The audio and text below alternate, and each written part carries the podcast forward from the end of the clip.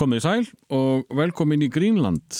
Í dag ætlum við að tala við Hugleik Dagsson.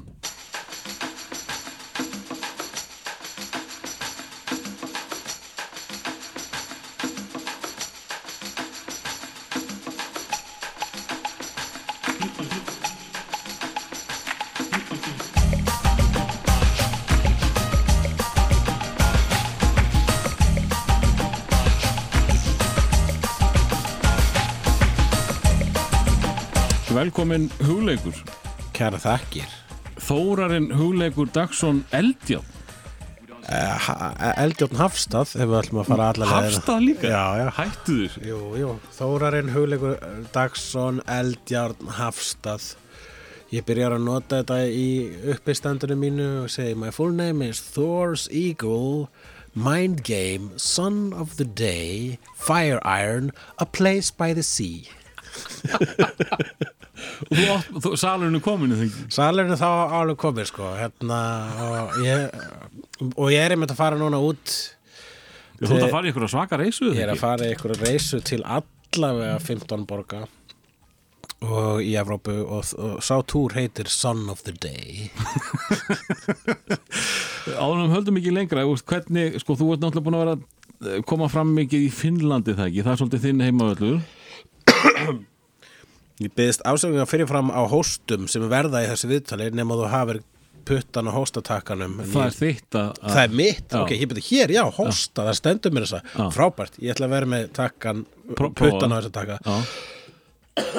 Já, það heyrist það frá mér, sko, Já, en, en þetta var mjög betra. mun betra, já, já, ok, cool. Uh, jú, ég uh, hef farið mikið til Finnlands og hef gert það núna síðustu svona 15 ár. Alveg 15 ár? Já, Byrjaður í uppistandi þar eða hér? Ég byrjaði allavega í uppistandi á ensku þar uh, Já Sko það Ég uh, var gefin út Ég var fyrst gefin út af forlæginu Hér lendis Hvað, 2003 kannski Mm. 2003-04 Og uh, mjög stuttur síðar Var gefin út í Finnlandi og uh, hef þá að minnstakosti farið einu sinna ári til Finnlands Til að fylgja eftir bók, eða? til að fylgja eftir bók eða síðan uh, verið uh, farið þangað með uppistand eða bæði en uh, til dæmis núna í ár er ég búin að fara einu sinni til Finnlands en mun fara tvö önnur skipti Í ár? Já, Já. og ég hef túrað líka um Finnland um helstu borgir Finnlands Þannig að þú ert, þú ert nafn í Finnlandi. Já, ég er nafn í Finnlandi ég um, er, uh, er, er frægur í Finnlandi það er uh, sérstök tilfinning Það er bara mjög töff, sko. Þetta byrjar þá vantarlega allt með fyrstu bókinni.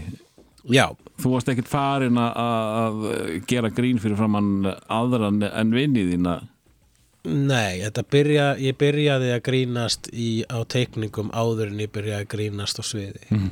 og uh, það var allt honum ara að, að uh, þakka ég var næstu búin að segja kenna Mm.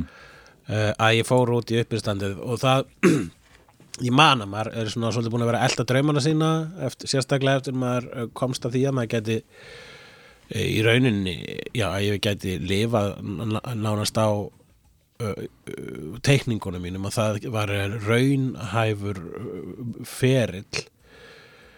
Uh, þá hef, hef ég hugsað ok, hvað ég geti gert meira? Og skrifaði öðruvísi myndasögur og skrifaði leikrit og hef skrifað fyrir sjóarp og svona.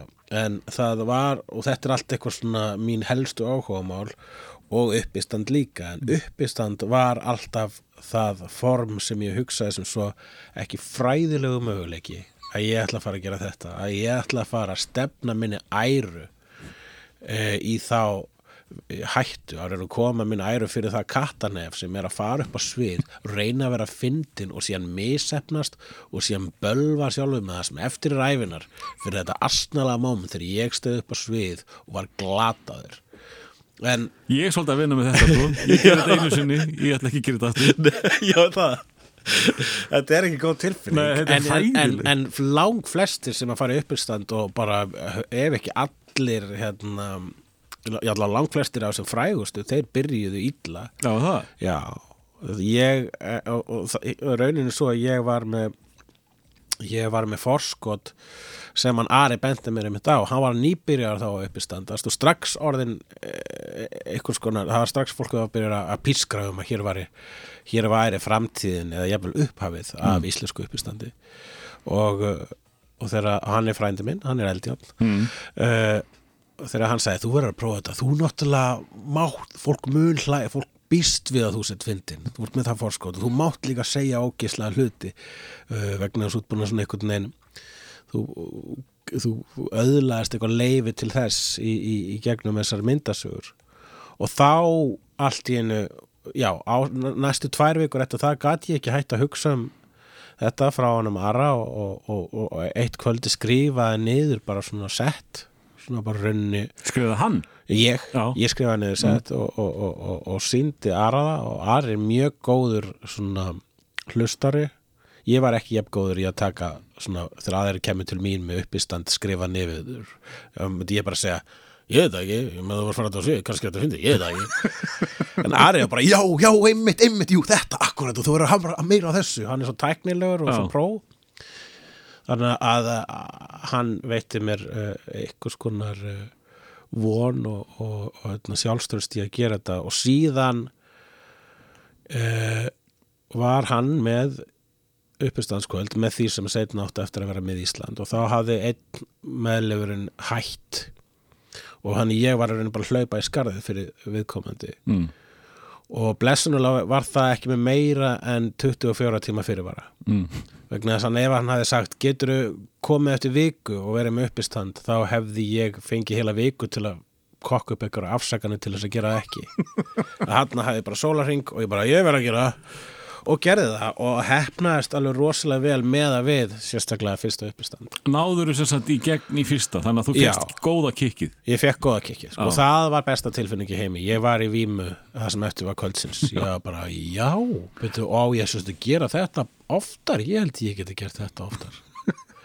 Og kikkið er og já kikkið er uh, viðbröð uh, áhorfenda það er hláturinn Það er svona, þú átt þessa Þú átt salin Já, átt á þetta fólk. salin Já. og er allt í henni komin í eitthvað svona undarlega stjórn sem maður vissi ekki að maður uh, geti átt og, uh, og svo líka það að fram að þessu hafði ég unnið í uh, já, við að skrifa og teikna þannig að, og þetta var alveg já, alveg í árdaga Facebook sko. Mm.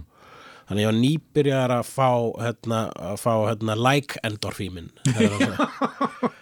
nýbúin að kynast þeim þar sem þú setur eitthvað netið og svo bara svona uh, færi svona smá endorfími hvert einskiptur sem fær like. En það er hins vegar sko eitthvað sem það er svona waiting game. Mm. þú, þú þarft að maður þarf að horfa á, á lækin hækka. Hversu mikið er að koma núna uh, og síðan þú veist að þar á undan voru bækurnar og sölutölur uh, og helsta sko nálast þessi komst þú veist því sem maður færir úr uppistand er þegar maður var að fela sig bak við hilli í málu menningu og fylgjast með fólki glugga í bækurnar manns og hlæja. Svona njóstnum þau. En, en sko, með fulli virðingu uh, sko sérstaklega framan af uh, þá voru þessar myndir ekki þar merkilegustu sem ég hef séð Nei, nei uh, hverjum datt í hug að gefa þetta út? Já, ég meina þegar þú segir ekki merkilegast þú tala bara að þetta var spýtukallar og... Já, ég er að meina Já. það sko Þú veist, Eh, Var einhver sem að hugsaði "Heyrðu, þetta á eftir að- fara vel í mannskapin? Ég, sko, þetta var svo mikið algjörlega ó, þú veist það var engin hugsun að baku þetta til að byrja með, þannig séð Mm. ég byrjaði að gera, í fyrstu teikningarnar í, í þessu tiltekna, ég hef teiknað spýtukalla og og, og uh, augrandi brandara síðan ég var barn Mm. En uh, þetta var fyrsta skipti sem ég gerði akkurat þess að gerð á spýtuköllum þessi hérna, sem er ekki með neitt andlit bara augu Mm. og um, alveg mínamalist og þetta var sömarið 2001 þegar ég var á Seyðisfyrði í uh, svona yfir sömar uh, listaháskóla projekti þar sem að listaháskólan nefna dreifði sig út um allt land og ég var þarna og send uh, lóu við vinkonu minni sem er núna uh, sjálf uh, myndasögu höfundur og, og, og, og, popsönguna mm og um, þetta var sko meira, að við vorum að setja upp einhverja sýningu og uh, og bara daginn, sko ég var búin að búa til einhver verk svo vorum meðal annars mál, varslita málverk af hákurlum að geta fólk og litla teikningar af springandi flugvélum en ja, mér, mér fannst þess að ég vantaði eitthvað eitt í viðbót og uh, ég held að ég hef mér þess að verið bara, ég er bara í símanum á meðan ég teiknaði fyrstu spýtukallarsuguna. Svo voru tveir svona litlir, mjög illa teiknaði kallar og annar segir rítu mér. Það er ekki, þú veist, þetta er ekki þessi finn, eh, jú, jú, greinlega smá en þetta er bara svo ótrúlega einfalt og það er engin og það er engin, þú veist, það er ekkit það er engin þessi saga, brandari segir ekki neitt. Nei, þetta er bara, njö, njö, njö og, og, þú varst bara, hm, þetta er einhvað það var, það var eitthvað svo það var eitthvað í haustum á mér sem sagði. Og þannig ég teiknaði næsta og þá teiknaði ég svona byðröð fyrir fram á klósett og einn í byðröðinni segir mér svíður svo. Og svo held ég áfram og áfram og teiknaði á svona hálftíma teiknaði ég 30 brandara og alveg bara svona og reyndi að teikna það alla án þess að hugsa með um og það varð alltaf eitthvað svona bjánalega hlægilegt við þetta. Og í ofanarlag sko það var, var viðfarsefni oft svona eh, annarkvort dónalegt eða, eða mjög svart sem að skapaði eitthvað kontrast. Þú veist, ef að svona rosalega krúttulegar fígurur eru í svona aðstæðum þá er eitthvað kontrast sem er bara á sjálfu sér hlægilegur. Ég held að það sé svona vísindin að baka þetta, þetta dæmi. Mm. og þegar ég og svo bara setti ég þetta ekki eins og upp á vegg. Ég setti bara í bunka og á borð í galleríinu og svo horfði ég á fólk fletta í gegn og hlæja Já, og, og ég var svona fekk sérstaklega staðfestu á að þetta var gott þegar ég svo lóu hlæja. Svo hún hlæir bara að finnast á dótinu. Mm. og þannig að ég sagði já, ég ætti kannski að gera meira hessu og einmitt, fekk, einmitt, það er þess að hérna, sam, samstundis viðkenningu sem er að Já. sjá fólk hlæja. Þannig að það var til þess að ég setna meir tegnaði fleira og, og, og heftaði það saman og ljó, ljósitaði heftaði það saman og, og, og seldi var sjálf útgefin í þrjú ár þáka til að forlægið hafði loksis upp að mér og gaf þetta út. En það var vegna þess að ég var búin að vera að þessi þrjú ár og þessi þrjú ár hafði þetta fengið fjölmiðla aðtekli á Íslandi. Já, Þannig að- þannig að þetta, þetta óks á einhverjum tíma í það að verða álverubók já, Já. Eða að fara kannski bara í, í e, það fyrsta sem þú manst eftir e, þér sem, sem lítill drengur? Já fyrst, ég man að- það er ég, það fyrsta sem ég man eftir er ég að tekna mm. það er, eh, ég man eftir ég, ég var eitthvað mann í Svíþjóð og ég var alltaf að tekna dýr og skrýmsli uh, og Varst alltaf að tekna eitthvað svona ljótt, eitthvað dark. Ég var svolítið mikið, skrýmsli voru mjög mikið í uppahaldi hjá mér og, og, og dýr sérstaklega, ég teknaði, ég man, fyrsta sem ég man eftir að tekna, þú veist, ég man eftir mér að tekna ljóna fjölskyldu mm. en fyrsta myndasagan sem að ég teknaði var, uh, þá var ég fimm eða sex ára og hún hétt Risaðelu Eyjan. Og fjalla, þá bara einmitt tók ég nokkra blaðsjöður blaðsjöður og eða svona A4-blöð brautur saman og heftaði og svo bara teiknaði ég svona hefðbundna Varstu myndasögu. búin að, að búa til bókina áður nú skrifa Já, ég er búin að gera blaðsjöðufjöldan sko. og svo bara byrjaði að teikna. Og það var algjörlega ó, hérna, hvert sagan færi. Mm. ég, ég settist ekki niður og skrifa eitthvað struktúr fyrst, ég var mjög skrítið að börn myndi gera það. Mm og uh, já, ég teiknaði sögu að- sem heitir Ísaðalega Eyjan, hún var myndið miklum áhrifum frá King Kong myndinni gamlu og, uh, og líka frá myndasögunni Byrna og Ófreskjan sem heitir nú eitthvað annað á frönsku. Uh, en þar var eitt atrið þar sem voru hérna, fullt af risaðalum sem var opna sem ég horfði marg ofta á í þeirri myndasögu. Og mér, þar var já, mynd af manni að flýja frá fullt af risaðalum sem var rauninni þaðan stál í hugmyndinni. Mm. Þannig að þetta fylgir um skipbrótsmann sem kjast að því hann er á risaðalu eigi og svo er öll sagan hann að hann er að flýja frá risaðalum þau eru alltaf alveg að fara í etan. Og svo þangað til ég er komin á síðustu opninu og sé það að, að, að ég hef ekki meiri blaðsýr þá náður risaðalurinn og átan endir. Þannig að það var bara svona já, þetta var bara svona niðurtalning í hans óumflýjanlegu örlög sem risaðalur matur. Þannig að þú, þú ert svona komikall strax bara frá því að mannst eftir Já, ég ákvað uh, var, á, ég man að ég var búin að ákveða hvað ég ætlaði að vera þegar ég var stór og það er myndasögu höfundur. Það var, þegar ég var fimm ára þá ákvaði ég, ég ætlaði að vera það og það var eitthvað tímabil ólíksárum þar sem að ég svona fekk fyrst að nasa þefinn af raunsægi og byrjaði að hugsa svo, svo kannski get ég ekki orðið myndasögu höfundur þegar ég útskriðast úr kvennu þá var eini kosturinn fyrir mig að fara í LHI það var bara nála, það var það nám sem er nálagast því sem að ég vildi gera en það var svo sem ekki verið að kenna mann að gera myndasögur, það var að kenna mann í nútímalist sem ég vissi ekkert um mm. en eh, rauninni hjálpaði það mér mikið vegna þess að það það í gegnum sko að að læra nútímalist þá komst ég að því að ég get uh, notaði mitt þannig ég horfið aftur til gamla stílsins spýtukalla stílsins sem ég gerði þegar ég var lítill. Þú veist, fyrsta risalu eigin er ekkert ólík það er ekkert ólíkur teknistíl og, og myndasögundar sem ég tekni í dag.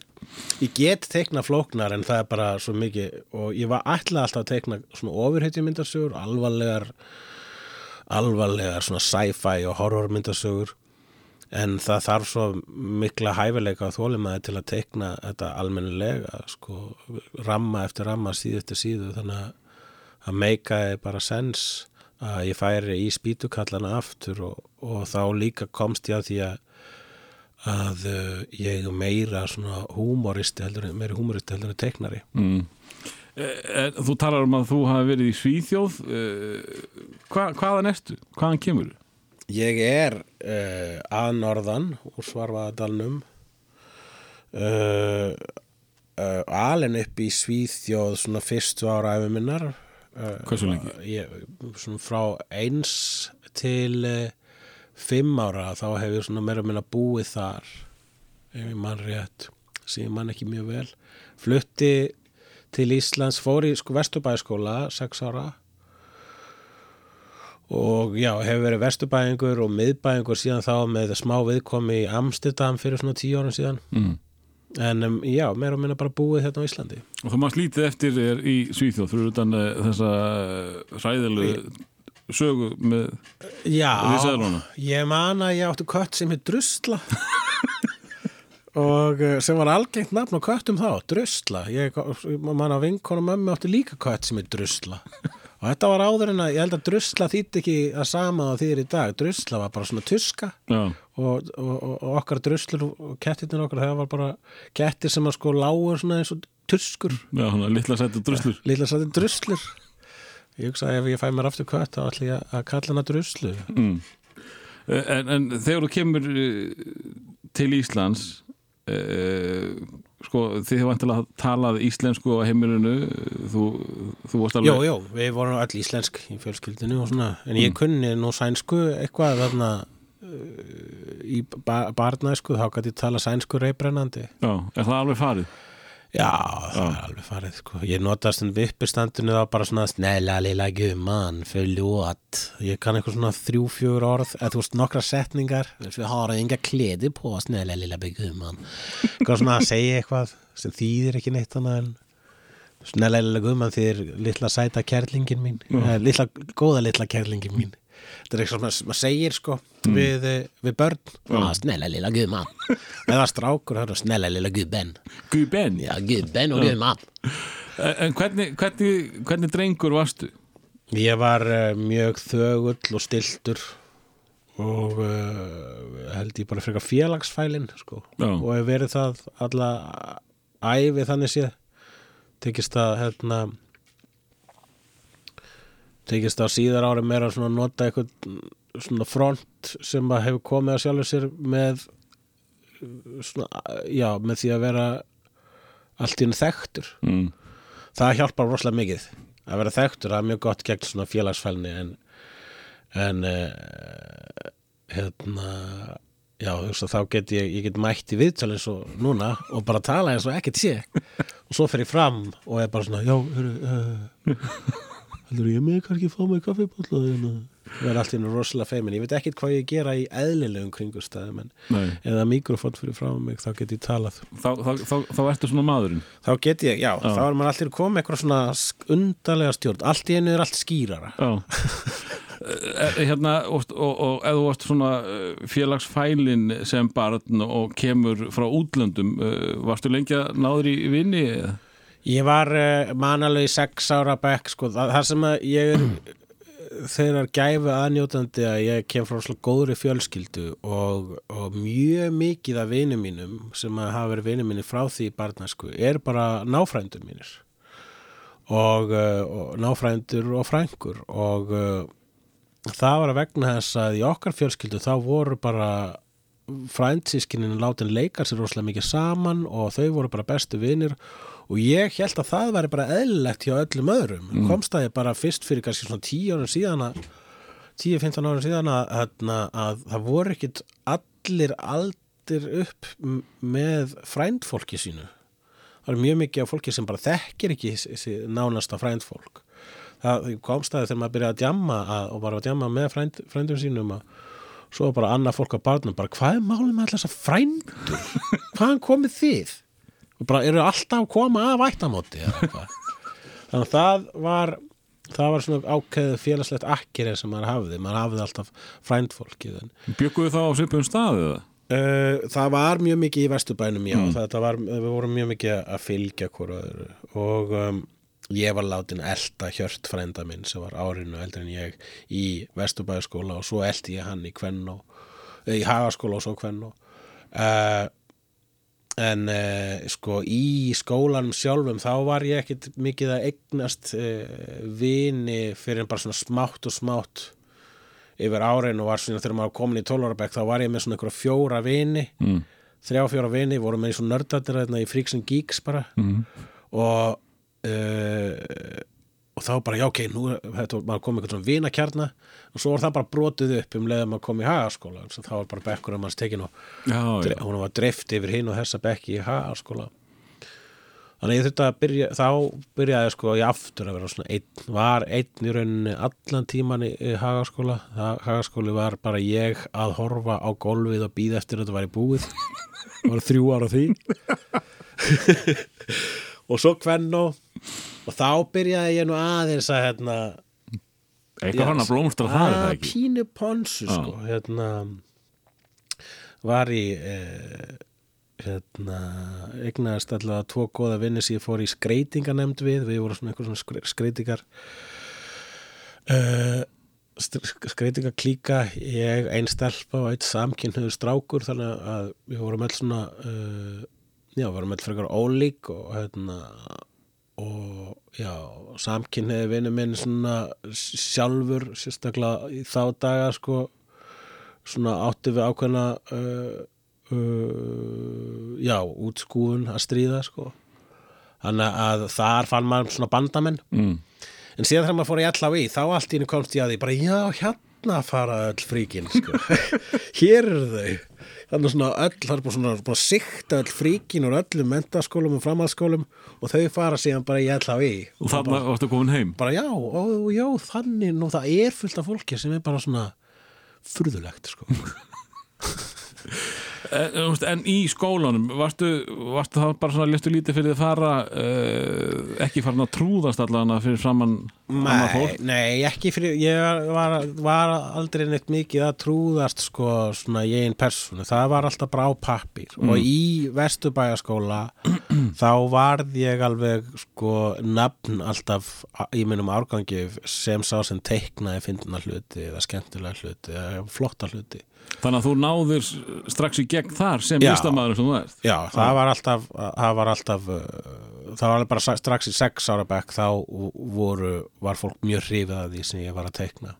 Þá lagði ég líka miklu meira í teikningarnar ég var eh, hérna, já, fyllti allt all þetta au- au- au- auða hvíta pláss sem er 90% af bókunum mínum. Mm. en uh, já, nei ég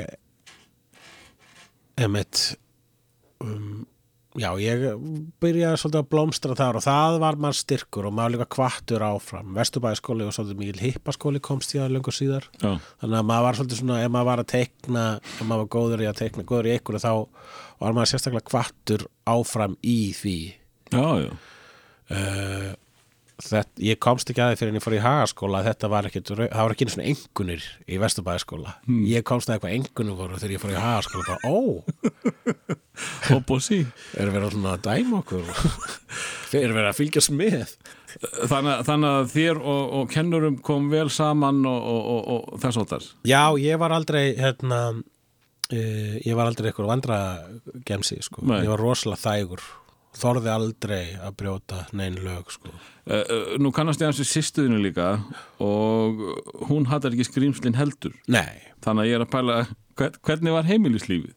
Sko, ég ólst ekki upp með Úlfildi sýstu minni. Nú, ok, uh, en hérna en ég hef þekkt hana allar mína æfi og ég er nú bara ég, mitt, svo, ég hef alltaf svolítið hissað því hversu hérna, sameiglega okkur áhuga mál eru vegna þess að hún hún var ekkit endilega svo, hún var ekkit svo sem að síndi mér þetta dót sko. hún kom þér ekkert í skrýmsla heima uh, nei, það var bara þarna og það var ekki fyrir en sko að maður var ára úlingur að uh, við byrjuðum svona að Uh, að, já, ég byrja að sína henni allt, allt sem ég var að fylgjast með í myndasögum og hún að segja mér frá hinnum að þessum fantasy og horror skáldum og svoleiðist þannig að við opnum hugast annars bara þá en það var líka en uh, já, við, við föttum voða seint hversu hérna, sameigilegt okkar áhugamál var. Það er bara svona það er svolítið spes já, svolítið skemmtilegt. En, en uh, veistu þá hvaðan þessi skrýmsli koma í hausunaður? Ég, ég meina, ég skil ekki akkur allir er ekki maður fyrir þetta þetta er svo frábært skrýmsli svona Ég held bara að þetta var að hrættu skálskapa við þetta. fígurur já, ég veit það ekki, það er bara það er alltaf heilla mig. Allt sem að er ekki til í alvörunni hefur heilla mig sko. þetta er runni, þú veist, það sem að er kallað nördakultúr, það er alltaf sci-fi, horror og fantasy ofurhetjur og allt svoleiðis. Þetta er allt dæmi sem að er eh, já a- a- hérna, ekki til í alvörunni og það er það sem er- mér þykir sérstaklega heitlandi vegna þess að þegar þú ert að lesa sögur sem gerast í slíkum heimum þá er það ákveðin svona flótti mm. í rauninni sko, sem að það er ekki end, er endilega vera jákvætt að vera alltaf að flýja veruleikan en það er svolítið það sem að nördar eiga samæðilegt að þeir eru að flýja veruleikan tölvuleikjum eða í hlutverkarspilum eða hverju sem er sko. og og þú ert þú varst nördali bara frá því að þú mannst eftir þér. Þú, einbyttið er að einhverju einu ákveðnu uh, Já, ég var, eh, ég var, já, ég var nörd, ég man að ég, hérna, viðkenda það fyrst fyrir sjálfum mér rétt fyrir eh, 16 ára aldur þá var ég að ákveða í hvaða mentaskóli ég ætti að fara í og var með að spyrja Hjört frænda minn sem var í Kvennó hvernig væri í, í Kvennó, hann var nú ekki nörd en eh, en ég spurði hann, bara allt í hann spurði hann, myndi að ég spurði hann sko hvert fara hérna lúðarnir? Og hann segi, ná þeir fara í kvennu og það bara, ok, þá ætla ég að fara í kvennu og þá, þá viðkendi ég fyrir sjálfum mér fyrst, fyrst upphátt að ég var í lúði mm. vegna þess að hvar var gott fyrir lúða að vera, ég vil bara vera eitthvað staðar sem, þú veist, það sem ég lifa af. Og já, ég fór þáka mér fannst það nú svona aldrei neitt sérstaklega lúðalegu skólu ég held að MH sé jafnvel lúðalegri ef eitthvað er sko. En uh, en jú það, hérna, en þá sko svipum tíma þá uh, varð uh, hérna, Nexus til. Uh, það hétt fyrst góðsögn og síðan Fápnir og síðan Nexus. Og þá einmitt kynntist maður þessum kultúr og var var við það að hann væri þarna úti.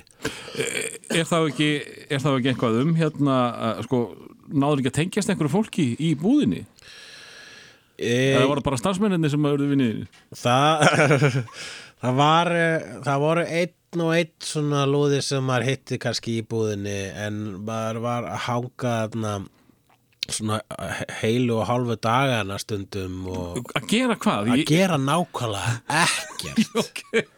Að lappum og blaða í gegn. Ég var ekki einu svona nóg cool allir hinir lúðandi voru meira meira lúðar en ég þegar ég mætti í góðsögn það var bara svona, það var kannski einhverju lúðar sem að sátu við eitt lúðaborð og voru að spila eitthvað lúðaspil og, og ég bara svona, sá það að vera að kasta ykkur um teningum og, og segja ykkur hluti sem ég skildi ekki og ég bara, á ég vil tóska þess að ég er að blúðalegur þeir. Þannig ég gæti ekki sinni ég var ekki einu sinni nóg lúðalegur fyrir lúðana uh, ég ætlaði alltaf að detta í sko Dungeons and Dragons og Cyberpunk og Warhammer og öll þessu hlutverka spilnum þetta voru svo bara svo s- þykkar reglubækur, ég skil ekki hvernig fólk gætt sest niður og, og lært þetta allt saman. Hvað þá sapna saman þremur til fjórum öðrum svona like-minded einstaklingum til þess að spila þetta eh, heilu sólarhingana með, það var draumurinn að komast í slí, slí, slíkan topp félagskultúr en, en það gerðist örs sjaldan sko. Þú fórst eitthvað í þetta? Já, ég reyndi, það Já. var svo, svo raunin svo að maður, ég, minn, minn vina kjarni var alltaf þessi blessuðu frændur og þeir voru ekkit það miklu lúðar, þeir voru mjög opni fyrir þessu. Mm. Við áttum alveg ykkur svona lúða kvöld, en síðan bara, síðan var bara, þú veist, þeir, þeir eru langflestir tólistamenn. Og var það ekkert? Nei, einhver Nei. hluta vegna var ég ekki, ég, var, ég held ég svo eini í, af öllum frændunum sem kann ekki á gítar. Ég var sendur gítarnám og allt, en það, það var bara Það ekki. tíma sóun. En sko það er náttúrulega la- landsfræg eh, þessi kvikmynda ástín og það er ekkert endarlega á vinsalustu myndunum í dag Eh, þar ertu nörd Já. þar ertu heldur betur eh, á heimavelli hvenar, hvenar, hvenar áttar þið á því hvað þú elskar þetta listform mikið Það er frekar snemma líka. Ég held að, e, já, ég held að það einmitt svona kemur eh, líka frá því að vera nörd og vera feimin og búa í, í heimi vídeolegana. Þannig að um helgar og sérstaklega þegar ég var ólingur, þegar það var sko drikkjutímabili mikla hjá ólingum. Þegar ólinga fóru nýri bæ og þetta bara svona skild eftir sviðna jörð af landabrúsum. Ég var ekki í þeim kúltúr, ég frétti af þessu að það var bara svona fylltist bærin af börnum á raskatinu. Mm. og uh, ég upplifið það tímabil ekki vegna þess að ég var þá bara heima hjá mér að fara út á videolögu að leia eitthvað. Bara hvað sem að ég átti ég var búin að leia rauninu allt sem var ekki bara hennar 16 ára og stundum náði ég að leia eitthvað sem var bara hennar 16 ára og stóðu bara einn að horfa eða Mjög mikið, já. Já. Já, mjög mikið að horfa einn en gjarna með frændum ef að En þeir voru líka margir hverjir að undan mér sko félagslega uh, að voru að fara niður í, á landafyllir í sko, Já. á, la- á Já, lækatorki. það, það var svona nálættir og samt tókst ekki þá Já, ég var bara mjög hrættu við þetta. Já. Ég skildi ekki, ég hef séð, séð uh, fullaru fólk á fyllir í og uh, það er nógu vandræðilegt sko, ég myndi að það myndi koma fyrir mig að ég myndi gera mig á sama fíbli og ég séð þetta fullaru fólk. Fullorna fólk gera sig að. Eh, við förum mjög meira í, í kvikmyndir og eftir en uh, það sem við erum svona að, við erum að verða úlingar í þessu spjalli. Þá dætt mér í hug eh, áttu er eitthvað svona barnaskulag Já, ég held að fyrsta skipti fyndi, ég held að þetta fyrsta lægið sem var uppáhaldslægið mitt. En ég komst að því í held ég sjö ára bekk. Ég þá komst ég að hverjum munurinn á hljómsveit og lag. Og það var í miðju vamm og djúran djúran stríðinu. Mm. og uh, þá man ég sko, þá voru sumir sem elskuðu VAM og sumir sem elskuðu djúran djúran. Og þetta fólk var bara svona gengi. Þetta var eins og Cribs and Bloods. -hmm. og bara þetta fólk lamdi hvort annað uh, og það var eitt hérna strákur sem við fór sátum í, í kallum heimakrók í Sjórabæk og svo var einn strákur sem var aðal töffarinn og lemjarinn í skólanum, hann gekk á, fór á milli krakka, fór á allar röðina og hérna, hvað er upp á sljósutuðin? Uh, djúran, djúran, rétt hvað er upp á sljósutuðin? Djúran, djúran, rétt. Og svona, og hann greinlega alltaf að lemja alla sem sögðu vam, það var allir búin að fatta frá númer eitt, nei, nei, það er bara til enga á hljóset og það er djúran, djúran, ég ætla ekki að segja vam því ég vil ekki vera lamin. En þegar að koma mér þá hérna svaraði ég Star Wars og og það var vegna þess að upp á slæðið mitt var læg, Star Wars slæðið í, upp, í, sem er í byrjun á allir Star Wars myndunum. Já, já. það var bara, það er upp á slæðið mitt, það er besta lægi heimi og, og lemjarinn hann fattaði hvað var í gangi í haustum á mér, bara nei, nei, nei, nei, þú ert að hugsa um lag, það er lag ekki hljónsveit, hvað er upp á hljónsveitin, er ekki djúran djúran? Jú, rétt. Og svo heldur áfram. Og, uh, og það stutt eftir það en í- lagið, barnasku lagið mitt er ekki Korki Djónan Djónan Njavam en frá sama tímabili. Og það er úr kvikmynd sem heitir Neverending Story og það er Límal Það er límallin maður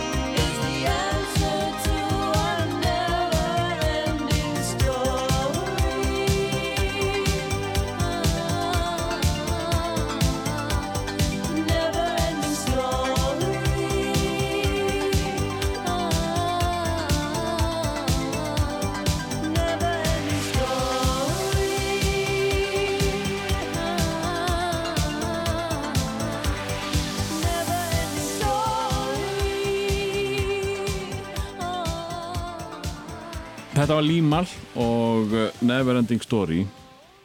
Það hefur vantarlega verið uh, þú þá ungur þarna, það hefur verið fín mynd fyrir þig að það ekki? Hún var alveg frábær, já. Ég hugsa að ég hafi verið svona sex ára þegar ég sá hana. Já. Ég var svona dett í unglingin og mér varstu samt geggjuð.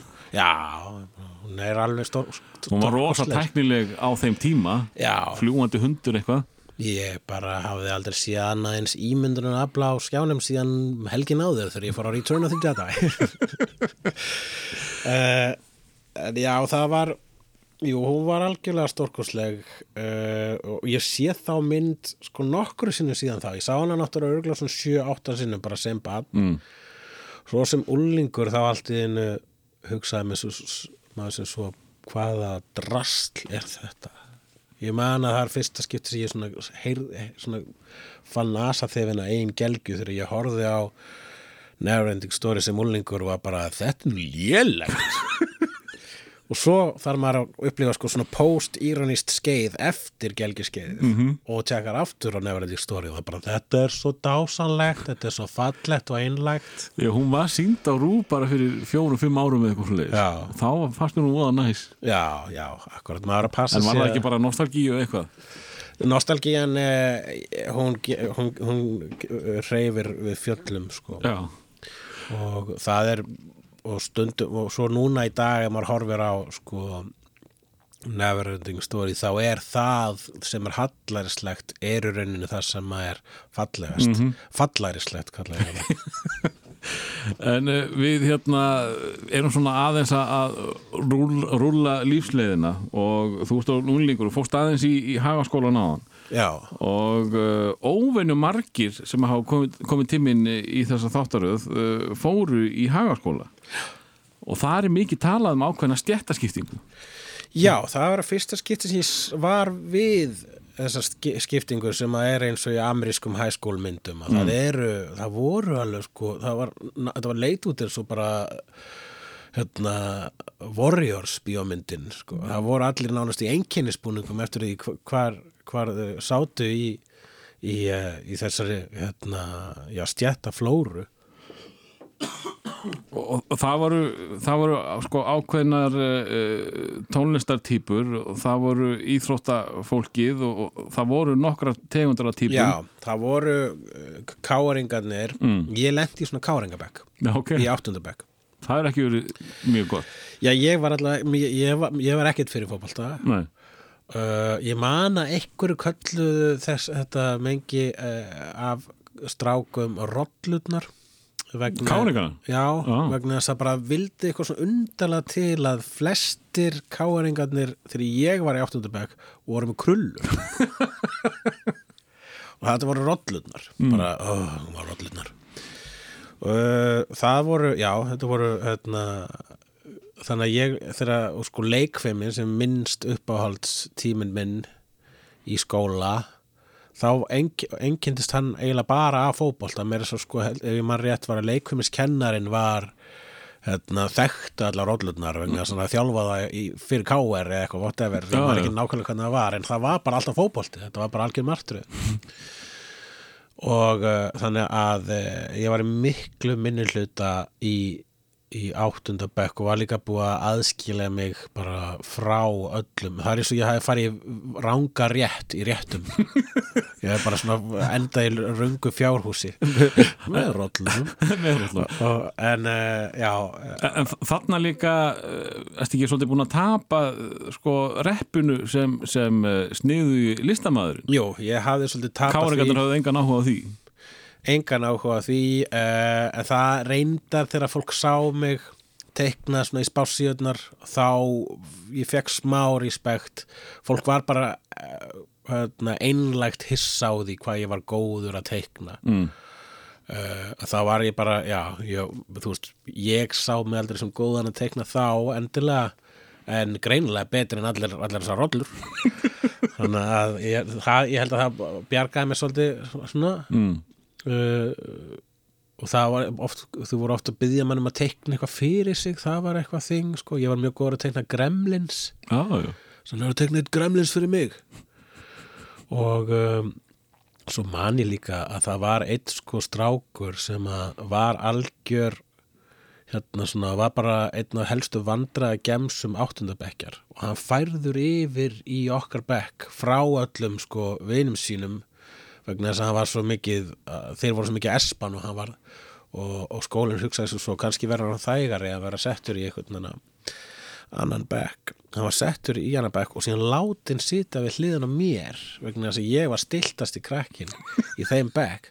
Það var örgulega gott fyrir alla nema mig. Já, vegna þess að ég var þá bara svona fyrir barðin og honum bara út áttundabekk. Kí- kýla í öxl og svona. já, kýl í öxl og, og, og, og svo nota hann, held hann því áfram svona fram á gangi.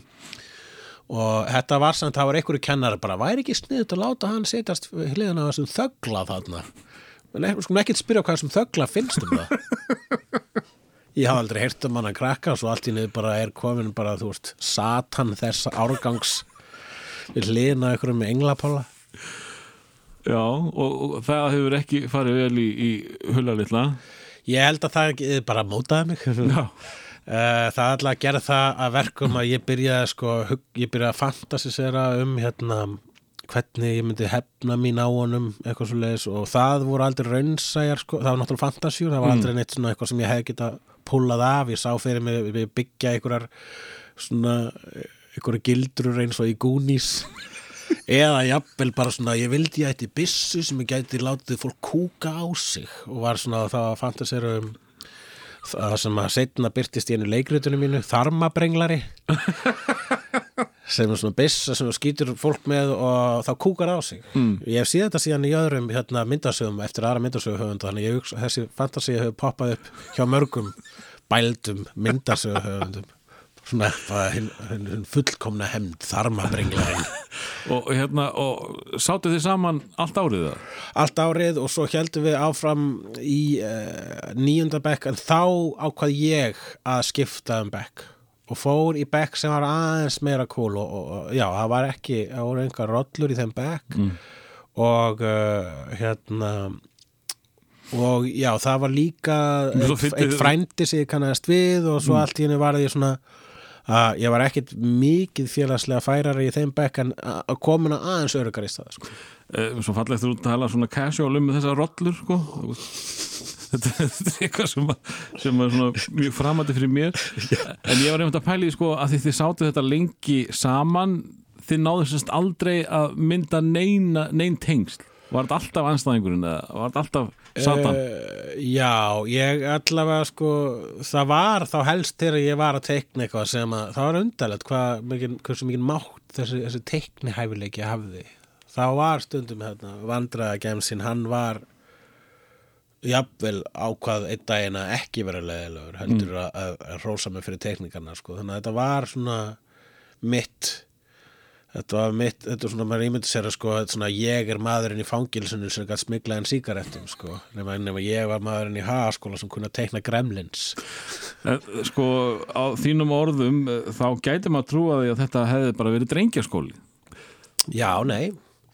Fullt að stelpum að það Já, og varstu lítið í, í, í kynnum við það? Já, ekki neinum Yrti ekki á þær sko. Tók Varstu, ekki einu svona grútlegi vinnurinn? Nei, en ég var heldur ekki átti, eins og ég segi, átti eiginlega enga vini í þessum skóla, sko, það var það helst bara Hjörtur frændi var þarna ofan mig og það var hann, þarna, var með smá vendarvæng Mm. yfir mér, sko, hann var cool.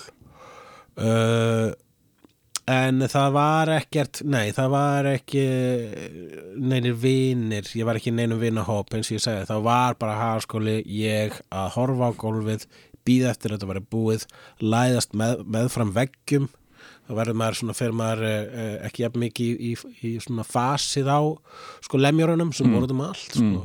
þeir voru allir, þeir voru einmitt allir svona leðujakka, leðujakka lengi vel sko. Leðujakka í óreimum skóm svo voru uh, hérna, hvað heitir það, bomber úlpur, eða svona hérna svona tuttaúlpur með Já. app, appi svona innklæði. Þær voru uh, ein, rosalega mikil tísku hjá lemjurum? Hjá, hjá öllum í Já, rauninni, sko, það tók yfir. Og svo kom hérna, eh, hérna hip-hop tískan sem var ekki hip-hop heldur techno. Það var kallað hip-hop í smá stund á Íslandi vegna þess að Íslandingar eru þekktur fyrir að rangnefna hluti samanber pilsner sem er ekki pilsner Nei. og uh, svo framvegis. Eh, og, hva, Hvar varst þú í, í þessari eh, tónlistarpolítík? Varstu lítið að pæla í tónlistar kannski? Ég var rosa lítið að pæla í tónlist ég var, uh, ég hlustaði mjög mikið á kvikmyndatónlist Já, þú varst bara fastur í bíómynd ég var fastur í bíómyndum, ég hlustaði líka á klassíska tónlist Er það þá eitthvað heimilislegt eða eitthvað sem þú tókst upp frá sjálfuðu? Það var eitthvað sem ég tók upp frá sjálfum mér runni. Eini listamæður sem ég fylgdist svona sem var poplista var tveir reyndar sem ég svona voru á mínu radar þegar ég var í Vesturbæðaskóla. Það voru Michael Jackson og David Bowie. Mm. Uh, en uh, svo á úlingsárunum þá byrjaði ég nú aðeins að fara út fyrir það en það var allt eitthvað sem maður lærði bara þá til mér ég var mjög mikið að hanga með Gulla frænda uh, heima hjá honum og, og, og það er hann er af tjarnarættinni og norður úr Svarfaðardal og, og bræðirnir og það er bara öll sískina börnin uh, af þeim bæ eru mjög, voru mjög mikið í uh, öllu þarna Led Zeppelin og, Mm. og Beatlunum og Rolling Stones og Kinks og Pink Floyd og öllu sem skipti máli þarna. Þannig að þú varst í, í gamla skólanum? Ég var í gamla skólanum en það var ein hljónsett sem að hérna, uh, ég, sem, sem að festi sig í sessi hjá mér og það er það er Jethro Tull það var Gulli frændi fyrir spila eitthvað með plötuna Broadsword and the Beast Mm. og uh, sem að er með rosalega nördalegu coveri sko. Það Einhver, er í- einhver svona skrýmslalegu? Já, Ian Anderson er einhver svona álfur með fyririldavængi og sverð og aftan á plötunni er vikingaskip og þetta er, teikna, þetta er málað og teiknað í svona gömlu heavy metal smáatriða Frank Frazetta stílnum og um, og öll lögin á þeirri plötu að mörg hver voru svona hálf fantasir, fantasir eitthvað svona beastie og hérna broad, platan hér Broadswords and the Beast sem er bara hljómar eins og Dungeons and Dragons. Ég hlustaði mjög mikið á þá plötu sko og hérna Þegar þú varst unglingur? Þegar ég er úlingur sko. Og ég var bara með kassett, ég var með þá plötu á kassettu Þú hefur vantilega ekki mikið verið að spila þetta fyrir frændiðin og vinni Mm, frændur mínir voru að spila þessa plötu sjálfur sko. Gulli, já, Gulli sérstaklega og Þrándur frændi. Ég, og Þrándur frændi Þrándur sem er núna frægur málari á Íslandi. Mm. uh, við vorum mjög mikið að hlusta saman á Jethro Tull Já, hérna. Þessi plata sem er ekki frægasta eða besta platinu Jethro Tull hún ykkur hluta vegna varð mín úlingaplata ég var með hann í vasadisko yfir vélritun í, í hagaskóla. Þannig að enginn heyrði mig hlusta eitthvað Bring me my broadsword og menn ég var að vélrita. Eitthvað AFDK Þetta finnst mér svolítið magnað. Ég, sko, jú, gott að blessa að, fíla Row Turtle en akkurat á þessum tíma unglingur ég nefnilega, sko, ég ólst við upp við hérna, sko stjúfsýsti mín hlusta á þetta daginn og daginn ég bara, ég gat þetta ekki, sko Nei, gat þetta og, og Jesus Christ Superstar Þetta er mjög hötul. Ég þóla ekki Jesus Christ Superstar en ég skal taka upp hanska fyrir Jethro Tull allan daginn sko.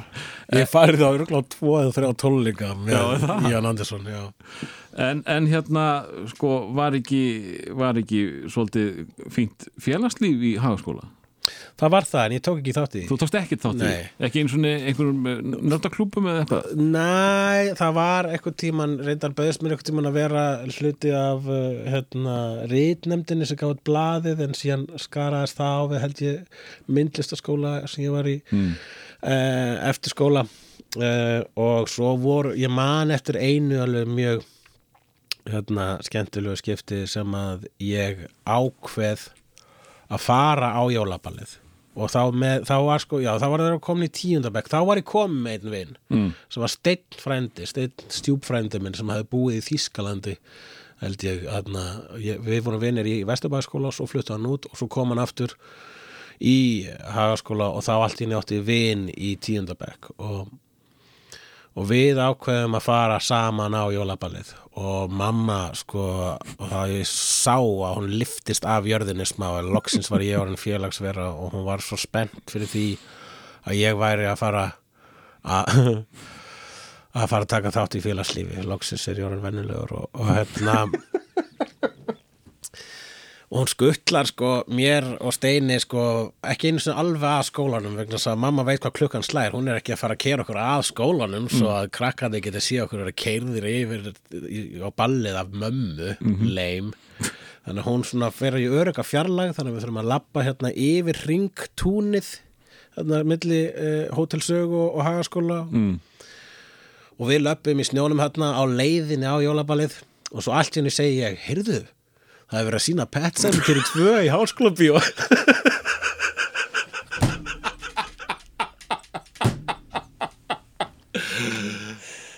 Og þið fóruð ekkert á ballið? Og við bara, við bara svona förum að hana, þú veist án umhugsunar, það var bara að segja steinn já, heyrðu, förum að hana frekar. Svo bara svona, tökum við svona smá beigju löpum í háskóla bíó, förum að Pet Sematary 2 og uh, komum síðan heim og mamma, jæja hvernig var? Heyrðu, við fórum ekkert á balli fórum bara á bíó, fórum að Pet Sematary 2 og hún var svo hneykslu og var, þetta var umrætt sko í fjölskyldubóðum eftir á. Og sko bræður hennar og systur jafn hneykslu og, og svona, svona heftarlegri félagsskitu uh, og ég áttaði mig- ég skildi ekki að hvað þetta var sem ekki skammaði bara, ha, já, þetta er mjög skemmtileg mynd En eh, sko eh, nú veit ég ekki hvernig, hvernig hérna þú eh, komst eh, fram eh, sem eh, ungur drengur.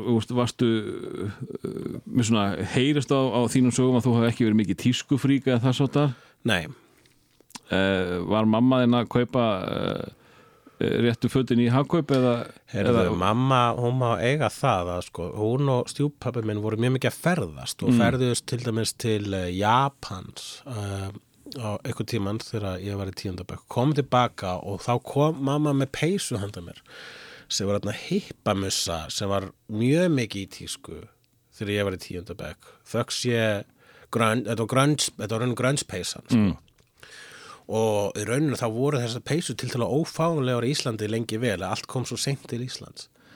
Og ég fer í eitthvað svona hippamussi, ekki hugmynd um hvað er í gangi, bara já, bara einhver annur flík, það er ekki eins og þú veist, þetta mun ekki skada mig, það er ekki geri, ef við getum svona eitthvað á að háum hesti að falla, sko. Og, og svo og svo mæti ég í skólan í þessari einhverju svona brúnni hippamussu og allt í hennu bara allir krakkarnir sem ég labba fram hér bara, wow, flott peysa maður, flott, ei, djúður flott. Og ekki, ekki hæðni? Enginn hæðinni, allir bara vá, djúðlir er þetta flott, djúðlir er þetta æðislegt. Og allir bara að rósa mér fyrir flík. Aldrei komið fyrir máður ég bara, nú? Ég ætla ekki úr þessu núna næstu mánuðina. Ég held að það er líka einmitt. Gefum nokkur svona prigg til að lifa af, af allt í henni var ég bara ykkur þögull gaur sem var í rosalega cool peysu þannig að náðu þetta ekki yfir þig náðu þú ekki að vera töff það var eiginlega bara peysan eða það var bara peysan, ég menna þetta er er same thing, sko Já. Varstu úlingavíkur? E, það, hún hefur örugglega brotist fram eitthvað staðar úlingaveikin en ég man ekkert nákvæmlega hvernig sko. Mm. ég man að, jú það var það var, það var eitthvað sko. ég man að ég gæti verið dramatískur út af hinn og þessu en, en það en ég eh, ég held að sko Varstu áfram þessi þæga típa? já, ég var alveg bara þessi þæga típa lengi vel Mm. þannig að ég, ég held ég tók aldrei út gelgjuna almennilega, ég held að hún hafi bara svona seitlað í ferilminni eða eitthvað sko. Eh, en hvenar, hvenar ferð þú og þá kannski sérstaklega hittkynnið að sína áhuga? Uh, sko, mér er tjáð að hittkynni hafi sínt áhuga oft og mörgum sinnum, ég bara fattaði það ekki Þó varu komin í peysuna? uh, þó ég voru komin í peysuna Mér, hvað hef, ef, jafnvel ef ég hefði fattað það, hefði ekki hugmyndu hvað ég ætti að gera í því sko. Mm. það var ekki fyrir en eitthvað tímann í uh, kvennu, alveg bara seint í kvennu sem að ég var svona smávar við að hittkynnið hafði áhuga sko. en mér datt ekki hug að það myndi geta gerst sko. Mm.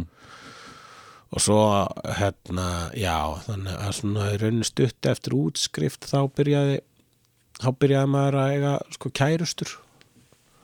Og uh, og, og svo bara áður en ég svona á nokkrum árum var ég orðin bara svo kærustu gaur, ég átti alltaf kærustur. Já, það? og bara áður en ég vissi að var bara frekar það var bara frekar auðvelt fyrir mig að ná í stelpur.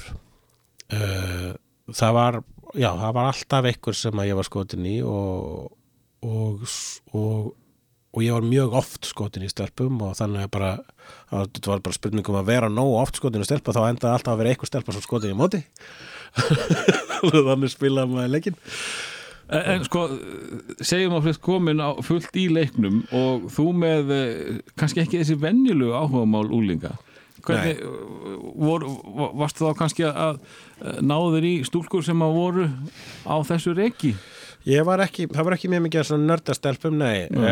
en það voru mjög oft stelpur sem höfðu verið að deyta eitthvað svona drullusokka Mm. og, og allt í henni kemur eitthvað svona nördastrákur og það er miklu meira spennandi og jafnvel örugari kostur. Þannig að það hjálpaði mér mjög mikið. Og það voru alveg til að taka þátt í Já, gleðinni þinni? já, já, já, algjörlega, það bara, hérna, urðu margar hverjar bara svona hálf nördalegar, eða svona tók, þú veist, maður kynnti fyrir starf og svo svo leis. En maður var líka, já, áttaði með snemma á því að vera ekki að tróða mínum áhugamálum upp á, upp á þær.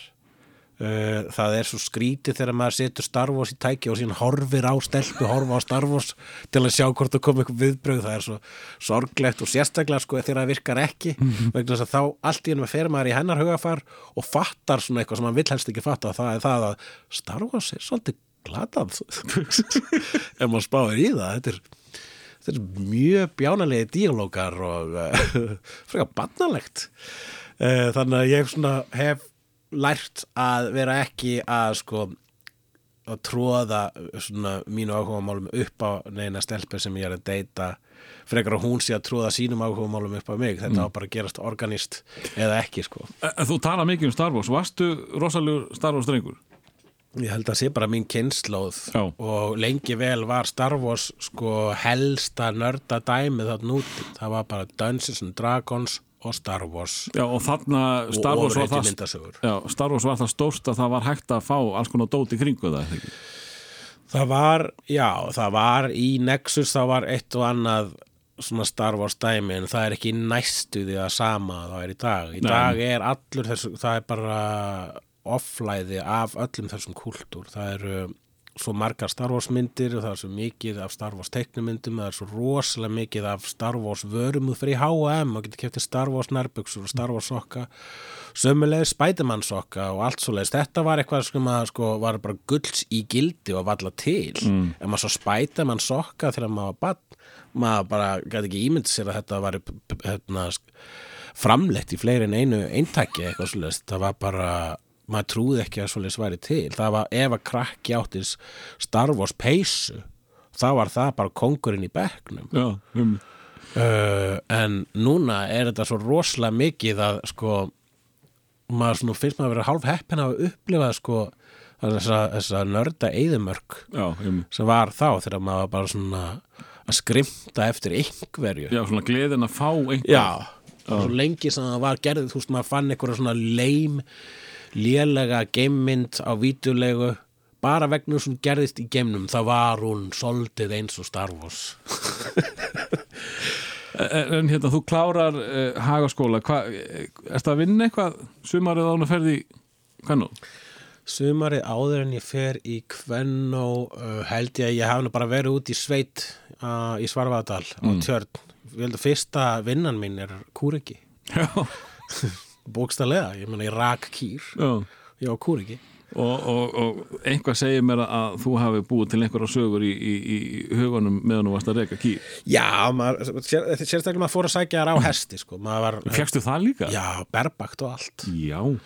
Bara, það var að rán frænka minn sem kendi mér á hest og, og ég va- sat ekki hnakk fyrir en bara, þú veist, ein- þú veist, þrjá ára 25 ára eða eitthvað. Já, ok. Uh, þá, já, þá settist maður á, hérna, þá settist maður á berbækt á hest og fór og sótti kýtnar. Það var eitt einmitt, jú, það var, það var rán frænka mín sem við fórum saman að sæ, sækja kýtnar og hún var ekki jafn skóluð í popkultúr og ég mm. þannig að stundum þá var ég sko, þegar til að styrta okkur stundir þá sagði ég henni sögur svo að basically bara söguþráðurinn úr Back to the Future. Einu sinni var drengur í, í, í gagfræðaskóla í bandarækjunum hann átti vin sem var uppfinningamæður svo sagði ég bara þessar sögur og meðan við sátum að hesti að sækja kýr. Var hún á þínum aldri þessi rán? og var svona einu ára eldri já. Já, einmitt, þannig að Já, þetta er, þetta er fallegt. Þetta er falleg mynd. Uh, uh, Ég samt sé uh, Ég sá þig ekki fyrir mér sem, uh, sem uh, kúrika Nei, ég áttaði mig bara sveitamann, á sko. því ég, ma- maður var bara alltaf að fara að reyka kýr en ég bara áttaði mig á því bara um daginn ég var kúreki, það var það sem ég var. Þú veist, eitt af þeir sem að sko margir krakkar vildu óska þess að væru þegar þau voru börn, ég ætla að verða kúreki. Ég var það, það var svo fatta það En þú fattar það samt fyrir rest Þannig að þú getur, þú átt minningar Já. uh, En hérna sko, þú, þú fyrir hvern nóg ekki nóg lúðalegur fyrir þeim smekk en, en, uh, en þar ertu eitthvað farin að springa út það ekki og, og, og bara og, og, og Aðeins svona undir lokin, já þú veist ekkit ennþá bara með fram veggjum allan tíman og þess að það? Nei, nei, alls ekki. Það var líka Kvenno var alls ekki svona aggressífu skóli og uh, það var náttúrulega 75% stelpur sem hjálpaði mig samt ekkit endilega í Kvennamálum. Nei, Uh, en uh, þá var ég uh, byrjaði ég með vegna að ég var hérna í skreitingarnefndinni og samkynniði vinnu minn var rosa hérna, spýra og, og frumlegu strákur. Og ég var svona undir áhrifum frá honum. Hann uh, hérna, elskaði svona flippaða tónlist. Og og þá byrjaði ég til dæmis að hérna, síðustu sko síðasta árið eða síðustu tvö árin í hvern og þá ég til dæmis að gera tilraunir bara með útlit og byrjaði að vera svolítið svona flippaðu gaur og til dæmis lita mér hárið eitthvað sem er blátt eða rautt eða hvítt. Og uh, var bara svona í alls konar furðulegum fötum, bara í drasli sem eitthvað týnt á sig og Já, þú varst kannski meira í svona felufötum fram að þeim tíma? Já, Þú ég vildir meira- ekki láta taka eftir þér Já, fram að því sko þá var valdi ég til mér seldur ekki á mig fötin. Það var bara, ég var ekki kúlnum að óvart einu stund þegar mamma kefti réttu flíka í Japan. En uh, síðan í, í sko kvenn og þá var líka það var tímabilið þegar að, þú veist uh, það var late 90s uh, eða svona mid 90s og, og þá voru þá, þá voru sko hérna, Björk, þá Björk bara ný komin á sviðið og, og hún uh, heimsfræg fyrir að vera flippuð og þá byrjuðu mjög mikið íslenskum krökkum að vera flippaði líka og ég stökk svona svolítið um borð á þá lest Já, og hef já og var le- lengi vel svona bara maður prófaði bara, maður bara tók e, í rauninni bara áhættur og sem voru engin áhættur vegna þess að ef maður var bara skrítin þá var það flott En uh, sko, þarna ertu orðið núlingur, uh, sko, 16, 17, 18 ára eitthvað svo leiðis. Uh, þú varst hættu við þessa landaherferðir uh, krakkana í kringu þig. já Hvenær fer þú að- láta gamin gjósa? Það er í fyrsta bekkjapartíðin sem ég fer í, í fyrsta bekk í kvenn og þá verð ég fyrst, þá ég fyrst fullur. Mm. Ég hef ekki hugmynd hvernig fyllir ég virkuð. Ég til mér ekki maður hægt að koma áfengi. Þannig að ég mæti partí og það er bara ískápur fullur áfengi. Ég er bara, nú, jæja. Fæði mig bara eitthvað. Og ég sé bara svona drekk annar mann áfengi. Enginn tekur eftir í. Enginn tekur eftir í. Ég man bara, ég er orðin svona tipsi, hérna, setni part partíja sinns og ég heyri eitthvað segja hver er drakk bjórinn minn og ég bara, á já, fólk á þetta áfengi, ég skil það náttúrulega kemur alveg heim og saman ég menna einhvers staðar lítur þetta áfengi að koma frá og þarna þannig að ég lærði í næsta bekkjapartíja að verða mér út um áfengi og þá var það bæði til mér mömmum að kaupa bjór og hún segi, nú ég get gert það Þetta er ekkit alveg sömu sögur og, og, og ég heyri frá þeirum. Ég get alveg lofaði því.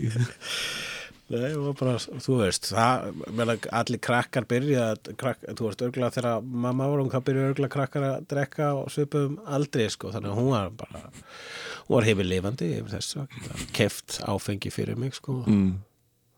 og uh, svo setna meir, já, varða maður sér út um þetta áfengi á einn eða annan hátt, sko, en það var ósjaldan sem að maður baði bara fullotna um að kaupa þetta á og uh, og bara svo lengi sem að ég hérna, varð mér ekki að voða ég var til dæla ábyrgur drekkari þegar ég var þegar ég var bann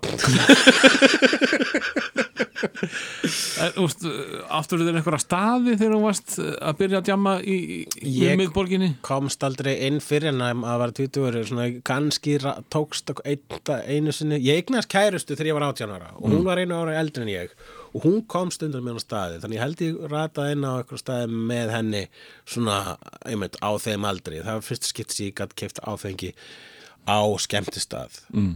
en uh, síðan var bara hvort þau svo stutt í að maður eru 20 ára að þetta var svo sem ekki eitthvað vandamálaði vesin lengi vel sko. Er, úst, áttu þér einhverja staði bara eftir Uh, mér minnir að ég hafi verið duglegur á 22 mm.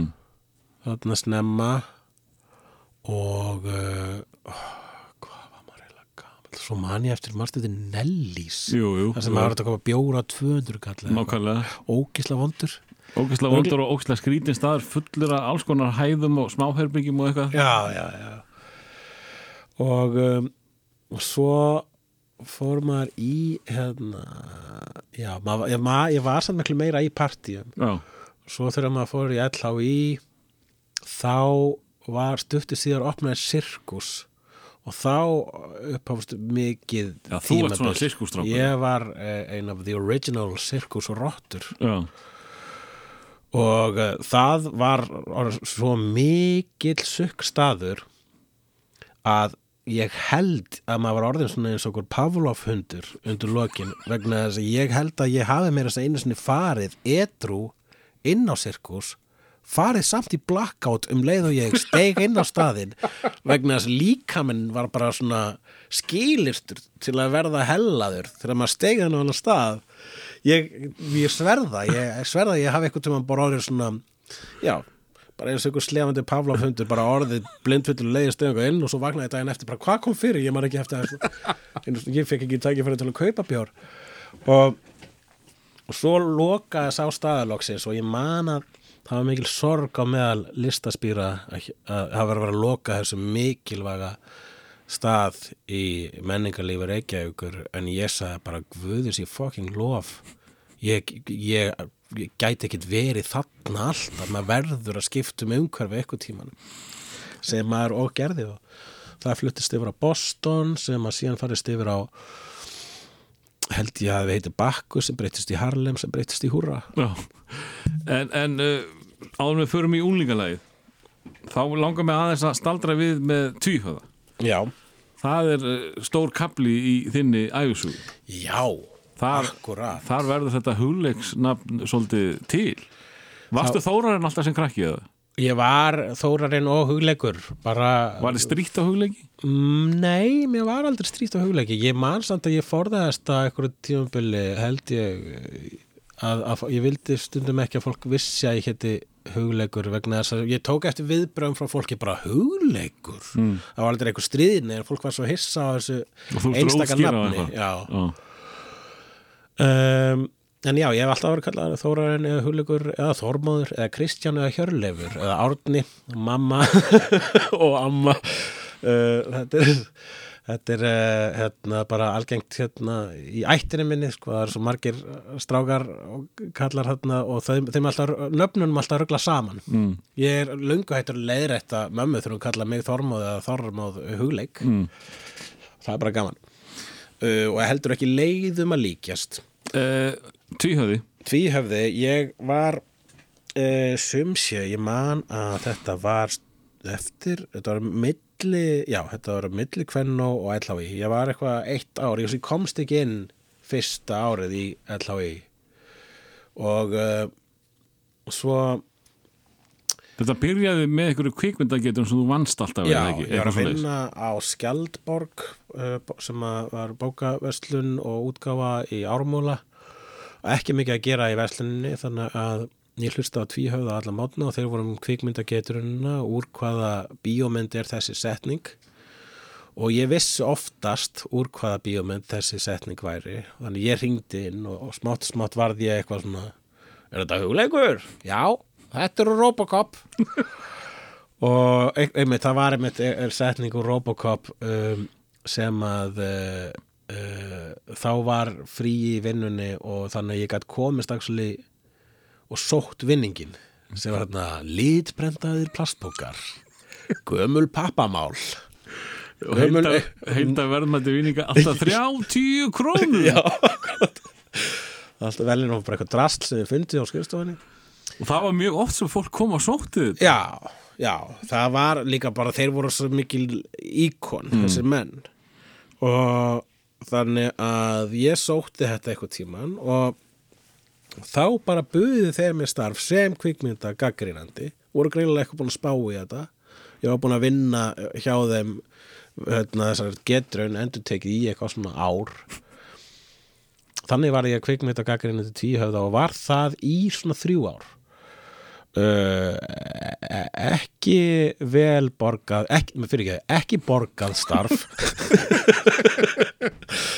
Uh, en En í stóra planinu í stóra planinu, Já. ómetanlegt ég fekk ókipis í bíó og ég fór bara samvinsku samlega á hverja einustu bíómynd sem var í sínd í íslensku bíói í þrjú ár Nei. sem að þýðir að ég fór uh, sko tvisvar í viku í bíó í 50 vikur, það eru 100 100 bíómyndir á ári pluss kvikmyndaháttir, það er svona milli 100 og 150 bíómyndir á ári og svo stundu voru líka þrjármyndir á viku Var þetta ekki meira í kvöð heldur en gleði?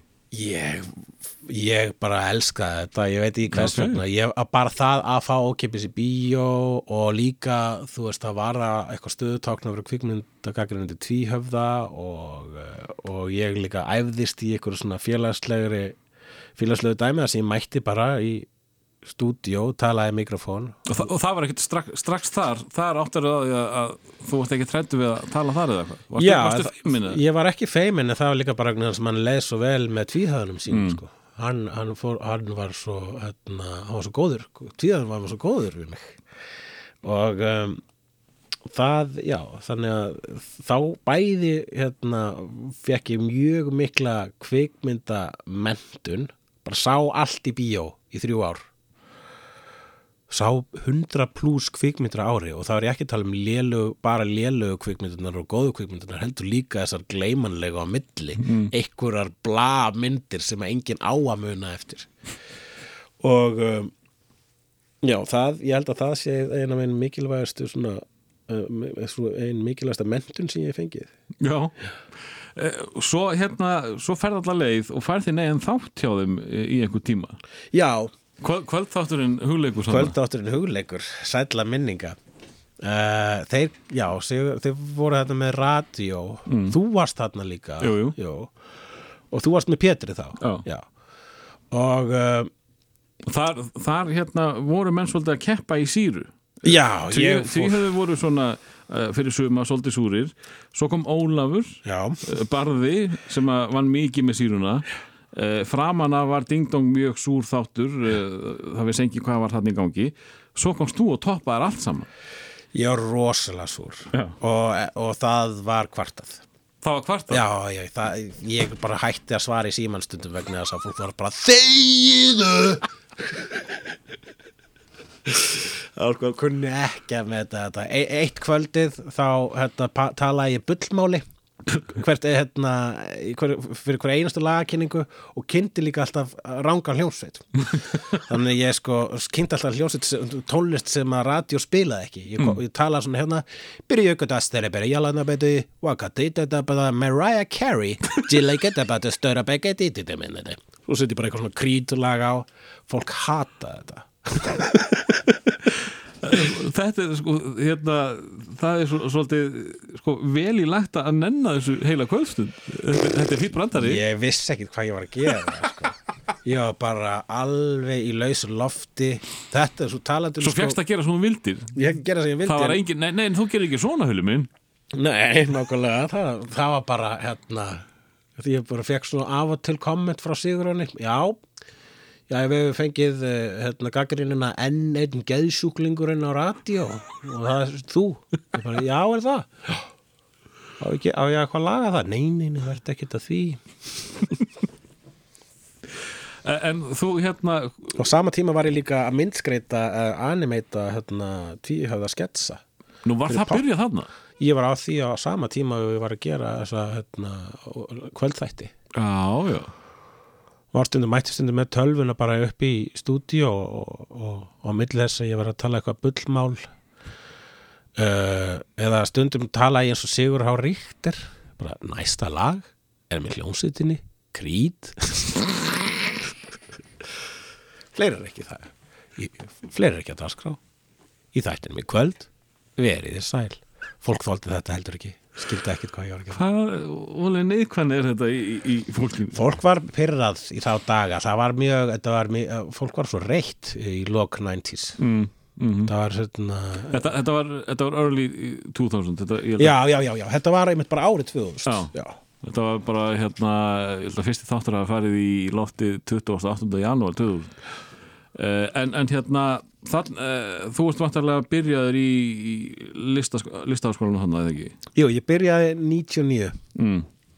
og, Ég ætla á í og útskriðast 2002 og það er ert að læra hvað nákvæmlega uh, Ég er að læra sem sé hérna ég er að læra eitthvað sem hétt fjöldtækni þá mm. en er rauninni bara hétt áður nútímalist uh, en er í rauninni bara fjöldtækni bara uh, mjög fallegt orð yfir alls konar.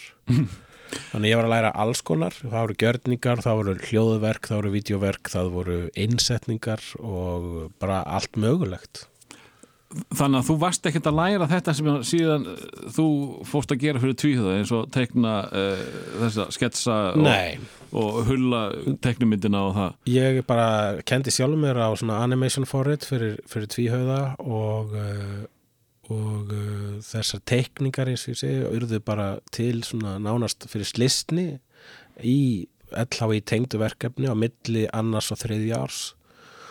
Og um,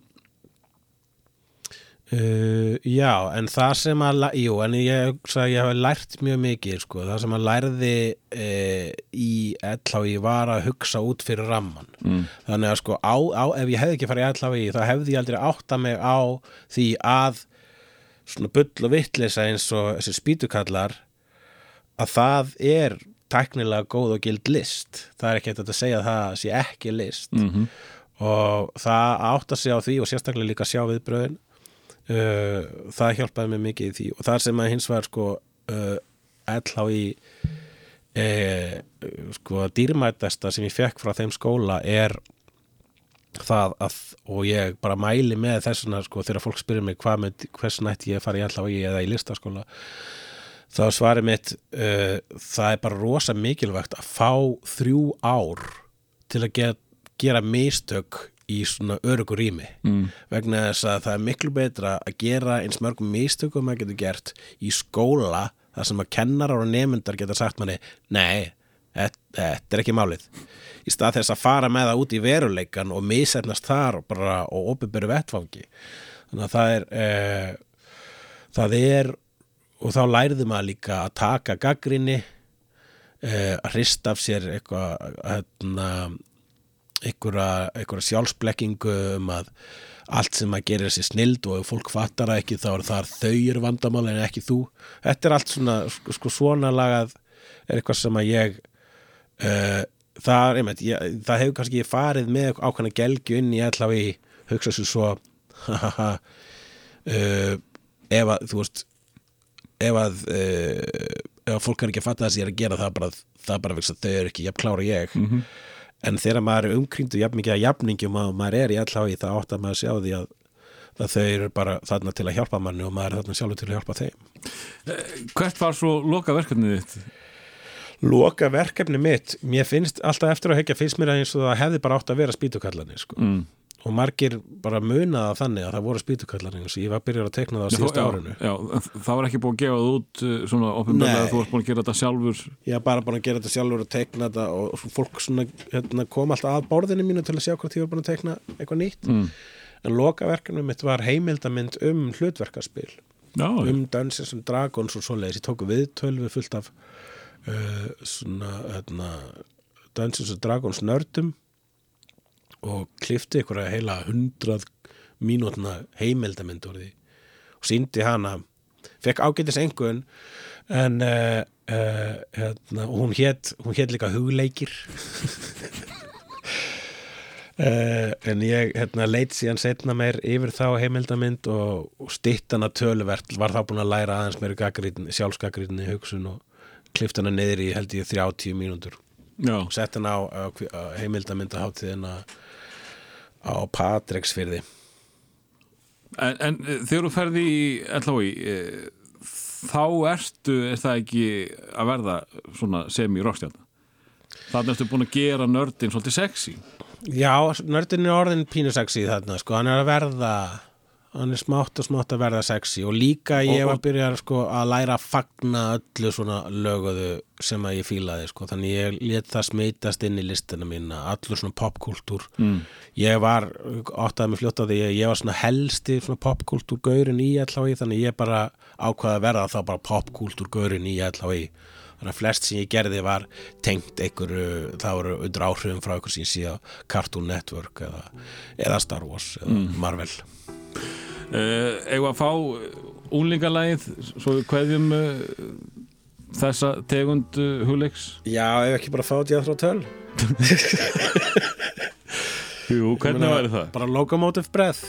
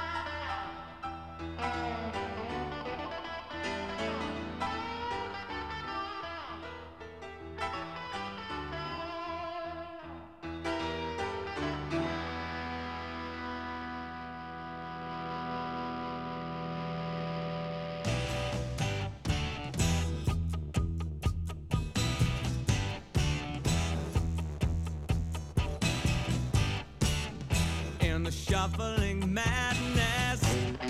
Of the locomotive breath. Runs the all-time loser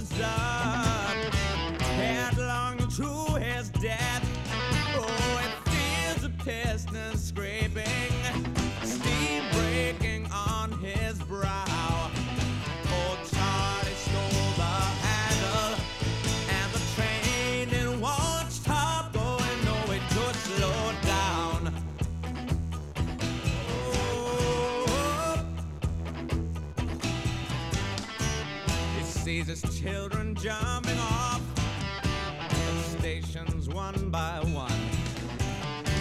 His woman and his best friend in bed and having fun.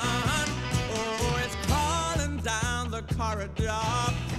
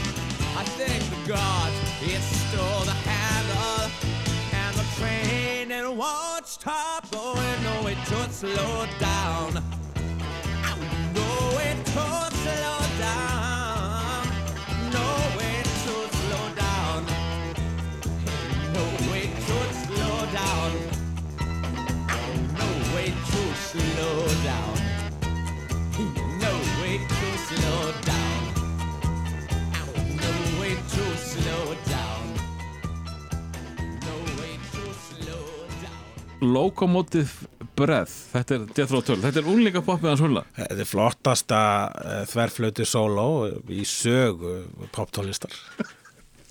Af mörgum frábærum. Uh, Hvað fer þú að gera eftir skólan? Eftir allavega í? Mm.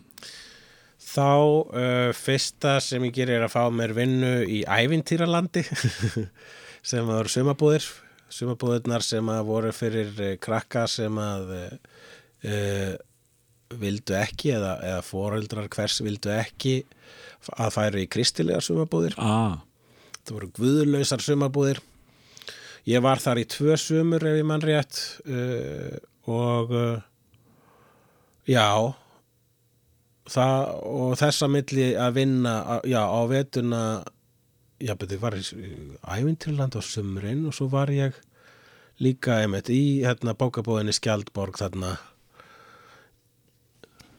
í, eh, já, betur, hvernig var þetta aftur? Ég var, mm. ég var búin að vera í þú byrjaðir í tvíhöða þá. Já, já, já, alveg rétt.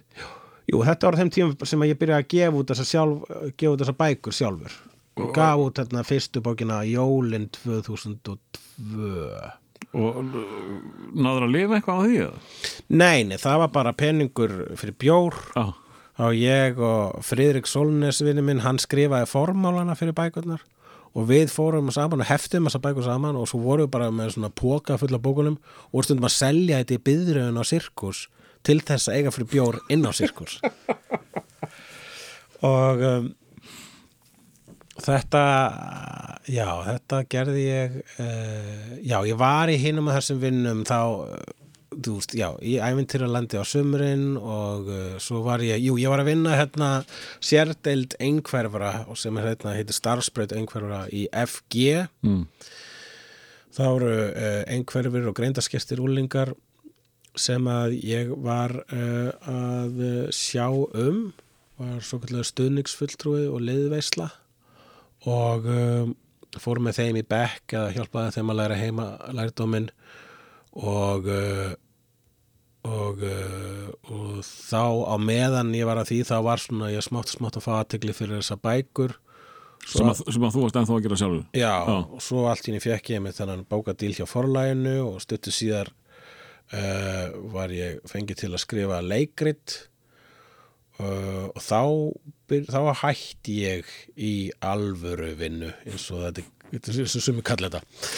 Og þá fór ég æmett þá byrjaði ég að skrifa leikrit og, og, og gefa þetta bækur og þá gat ég svona skrimtað á listinni einnig saman. Ég þurfti alltaf að fá mér alvöru vinnu af og til mm.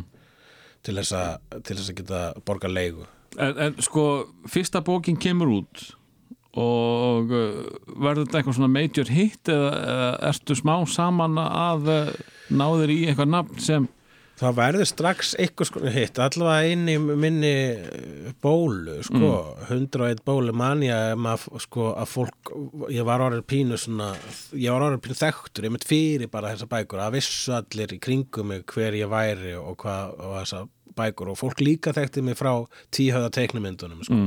fólk var ofta svona að koma að mér og segja instans instans sá skets var eitthvað svona kvöld skets hjá hérna freðnum freðnum hundra miðbæjaróttum þegar að koma heim á djammunu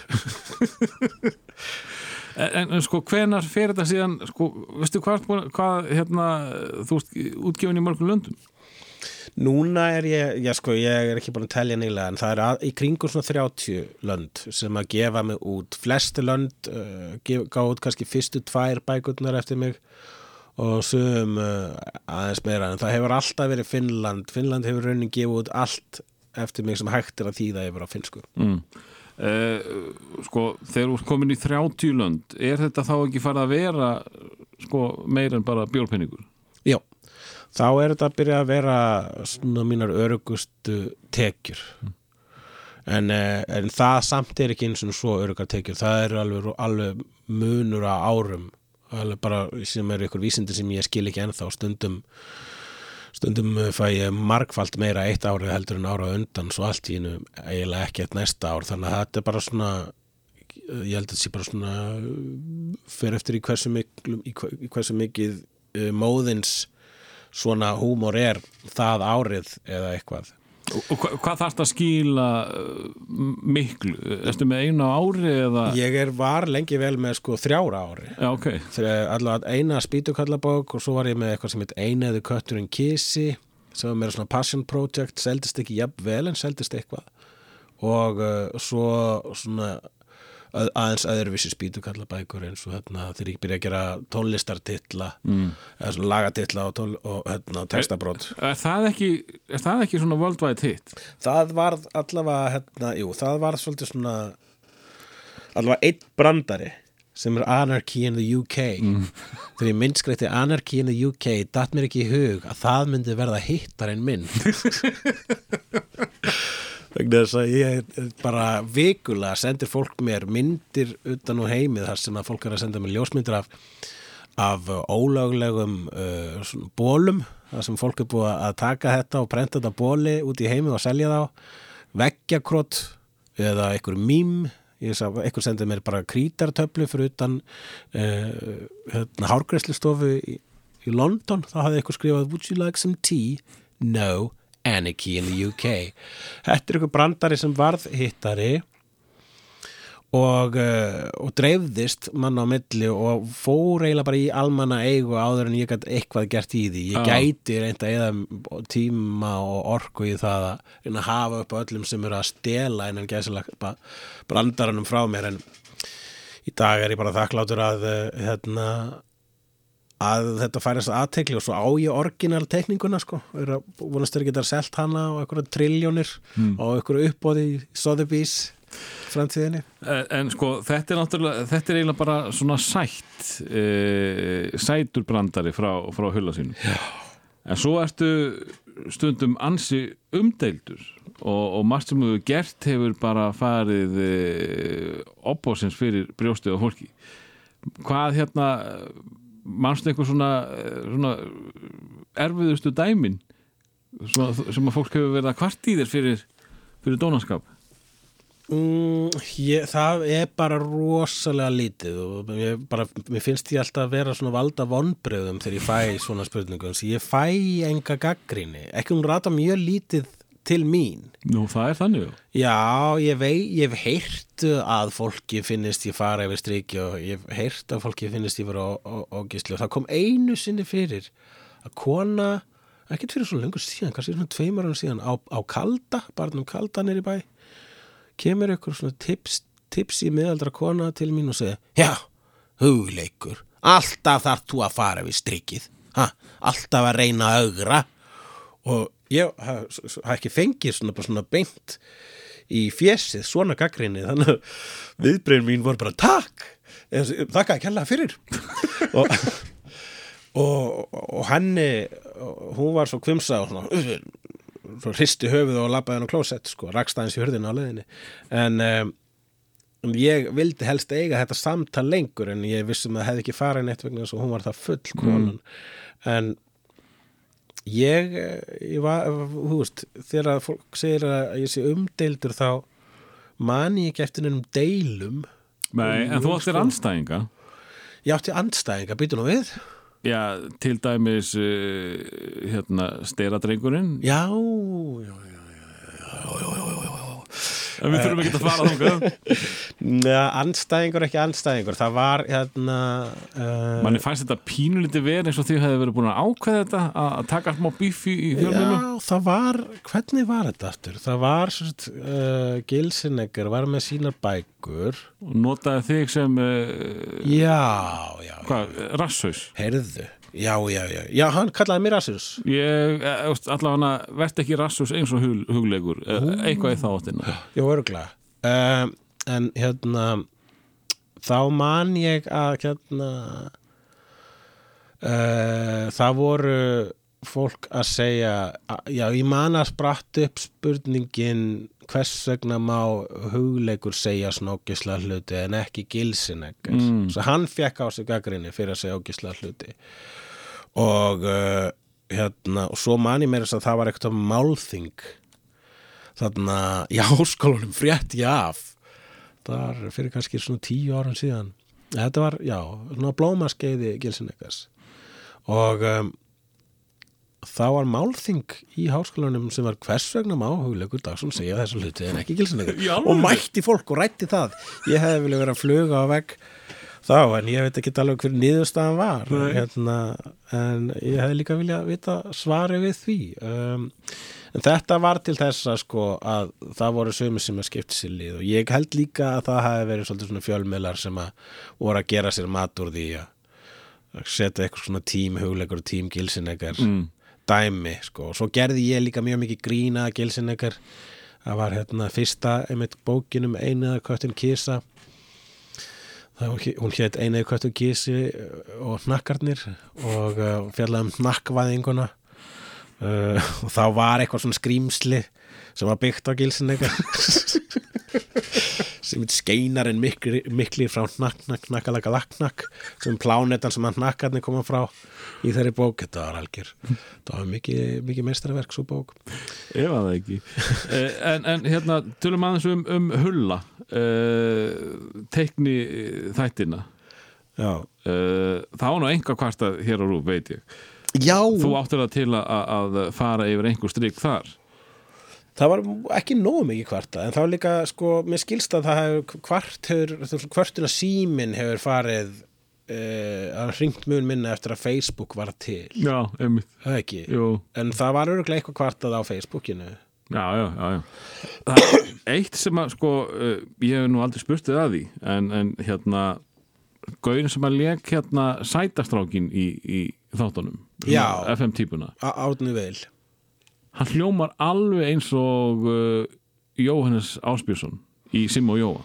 Ég held að þetta var í hann. Í alvöru, ég hef þetta, ekki hert ég vil þetta þetta áður. ógeðslega vel kasta hjá hullónu þarna að fá Jóa í þetta hlutverk. Vá, vá, þetta hefur enginn bent mér á. Nei, ég, ég- var svo viss um þetta sko. Já, já, akkurat. Jú, þessir hullað hætti, þetta var einmitt Sigurjón, hann hafði alltaf einhverja tröll að trúa mér og hann hérna hann eh, reglulega fundaði með mér uh, eitthvað svona bað með um að koma með hugmyndir af sjóarstáttum og vildi helst að það sé einmitt teiknað.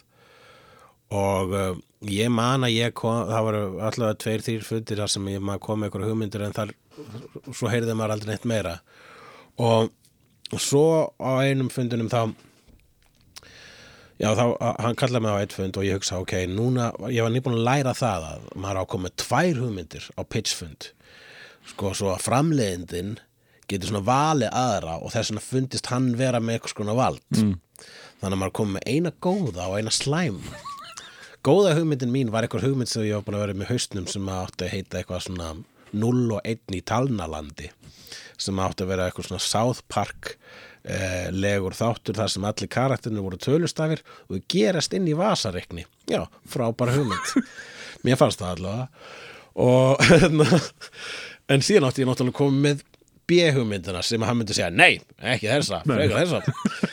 B-hugmyndin var hm, þáttur um mig og vini mína í hundra einum Reykjavík. Hann mun aldrei segja já við því. Kem ég með þá hugmynd? Og segur hann já. Heyrðu, heyrðu, nú erum við með eitthvað. Og svo bara er það allt í hennu að gerast.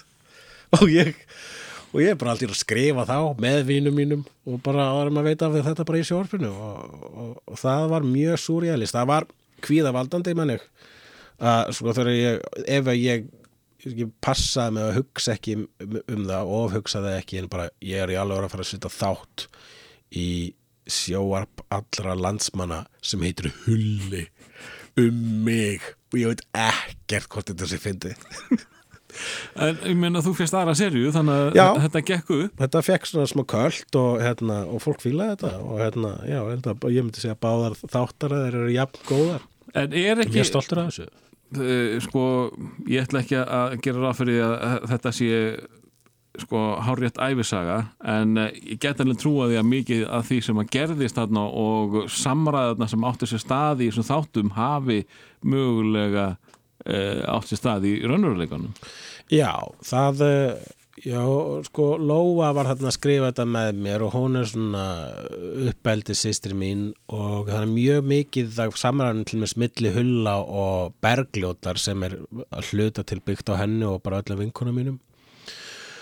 Uh, það er hérna svona, já, það er endurspeglun á einhverju sem hefur verið hefur sagt í alvöru og það er mjög mikið sem gerðist í þáttunum svona gerðist hálfpartin eða næstuði í veruleikanum. Við tókum það og bara yktum það ókslega mikið og fórum með það á eins skrýtnar slóður og hægt var að gera innan 20 mínúna uh, Er eitthvað svona sjómasefni væntanlegt frá þér?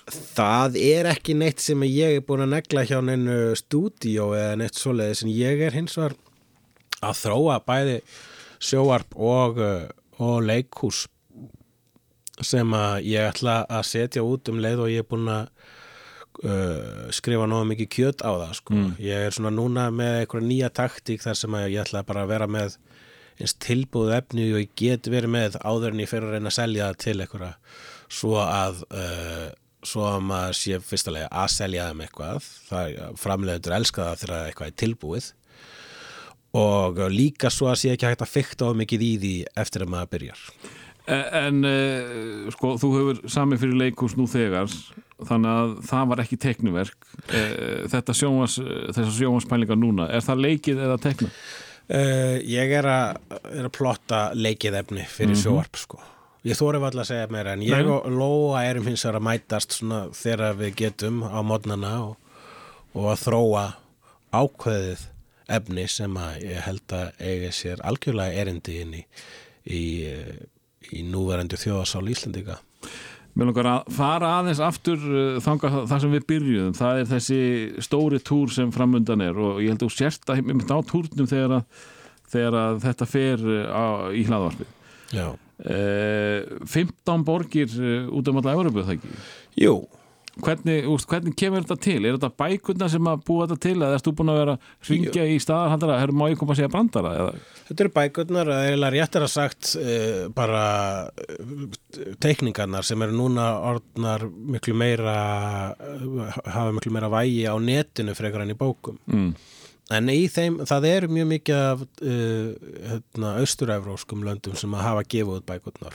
Ég hérna, komst að því um, ég sagði bara eitthvað tíman í haust síðastliðið þá sagði ég á internetinu heyrðu já, ég, ég er líka í uppistandi og ég var orðin leiður að ég bara performa í Finnlandi. Ég hafði, jú ég var líka nýkominn frá Kína. Ég var búin að taka eitthvað Þú segðu okkur aðeins uh, Helgi Steinar grínisti hér, hér lendis hér lendur mm. hann hefur búið í Kína og uh, hann uh, hitti hann á hérna litl, í litlu uppistandshólunni Secret Cellar á, á Lækjargötu þar sem hann sagði, heyrðu þú ekki bara, á ég ekki bara koma þér til Kína? Þú og ég og einhverju aðri, við fyrir bara til Kína verðum með svona íslenskan túr. Maður heyri þetta, maður það er oft sagt eitthvað, fólk segir bara, heyrðu þá, vilt þú ekki bara koma til Kanada? Er ég ekki drettað þér hérna til Skotlands. Einmitt. Svo já, kannski? Já, akkurat, alltaf með bjóri hönd. Og maður segir bara, já, endilega ef það getur gerst, þá, þá gerist það. Þannig að þegar eitthvað segir, ég ætla að koma þetta til Kína, þá segir maður, já, já, sure why not? Og ég mitt bara, tveimur vikur síðar eða eitthvað, þá er maður að kaupa miða til Kína. Og við förum ég, við, við fjó, fjórir grínistar ég, Snjóla Lúðvíks, Andri Ívars og Helgi Steinar. Förum við þrjár kínverska borgir túrum, fyrsti uppistandstúr íslenski uppistandstúr í Kína fyrsti og eini að svo stöðu og, uh, og það gengur rosalega vel og það líka þá, þá mundi ég allt í henni bara já ég ætti að gera þetta oftar. Ég ætti að fara með uppistandið mitt til útlanda. Þannig ég sagði eh, sagði bara Twitter frá því hei, ef að þið viljið fá mig til landsins ykkar látið bara eh, og, og þið eru með venju, látið mig vita. En ég vissi þá var bara hérna uh, bæði Tjekkland og Serbía búin að hafa samband þannig ég fyrir á svona mínitúr. Ég átti erindi í uh, til Finnlands að flytja uppistand á, fyrir finska sendiráðið á fullveldisteginum og þá ákvaði ég bara að nota tækifæri og skjótast til Tjekklands og Serbíu í leiðinni verðum uppistand þar og þar fyllti ég alla sali. Og fattaði þá, herru, þetta er eitthvað sem að ég get sem sé gert, þetta er hægt annars staðar heldur en í Finnland og Kína en, en sko ert þú að fara að taka sénsinn? Er verið að kaupa þig eða ert þú að fara að taka hurðina? uh, Ég tek hurðina Já, að það er mjög mismunandi á þessum túr sem ég er að fara núna á það er uh, að fer bara við vílum að díla við uh, hvert stað fyrir sig sumir uh, vilja taka uh, helmingin sumir, já, sumir borga allt fyrir mann hótel og svo leis, aðrir ekki mm. Stu- sumstað tekur maður alla hurðina, það er bara fyrir, það er alveg mismunandi, þannig að við erum bara svolítið ég og hérna Rakel vinkona mín sem að er uh, sem sér um dagson.com erum að skipilegja þetta. Og uh, og þannig að við erum bara að fara á þannig túr og læra svolítið hvað er best. Og það er held ég bara svolítið þannig í grín bransanum að það, það er bara mismunandi eftir í hvar þú ert. Hvernig, hvernig peningunum kemur inn en í ofanalag við miðasölu þá er ég líka með fullt af uh, uh, svona bóla og bókasölu. Þannig Já, að við seljum uh, póskort og, og bolla og sokka og bóli og plakut á kantinu já, Já. ég held það ég, ég ekki. Eh, En hérna svona rétt uh, sko þú er stórum vanur því að uh, fara og, fram á, á einsku já, þannig að sko the world is your oyster eins og einhver saði þú, þú ert alveg tilbúin að- vera þessi kall ef þetta gengur upp að, að bara láta þetta Já, ég er allavega það sem að ég er að flytja á ensku núna, þetta er klukkutíma sjó og þetta er eitthvað sem að ég byrj, mjög margt, eiginlega flest sem ég byrjaði að segja á íslensku hér heima og svo er ég bara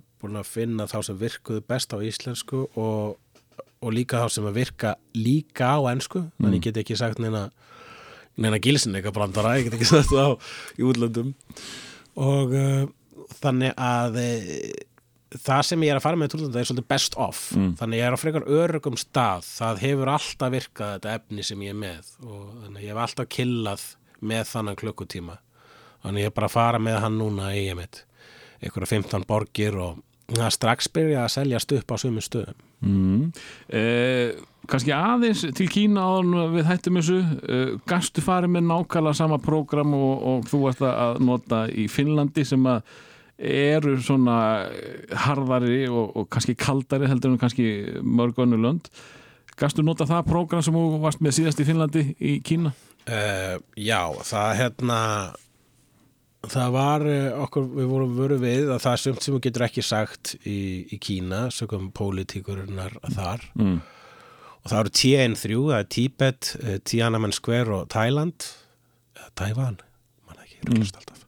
Og nema ég bara hafði engar ágjör því, ég var bara með mitt efni tilbúið og ég er með ekki með neina brandar um Tíbet Uh, ég var bara með mína líkansvesa brandara sem að er tiltulega fyndið alþjóðlega. Það er eitthvað sem að hljóðin sem að ég geri sem eru viðfásefni mitt eru alþjóðlega hljóð. Og uh, þannig að uh, ég sérst, bara flutti það og það var alltaf hittari. Það sem er að vara þetta voru ekkit kínar að megnunni til sem mættu þarna svona 80% voru kannski hérna, uh, bara aðfluttir. Já, aðfluttir vesturlandabúar sem voru þystir í vest, vestrænt grín. 15% voru kínverjar að læra að fara gerðan og svona til að hérna, æfa sig í enskunni.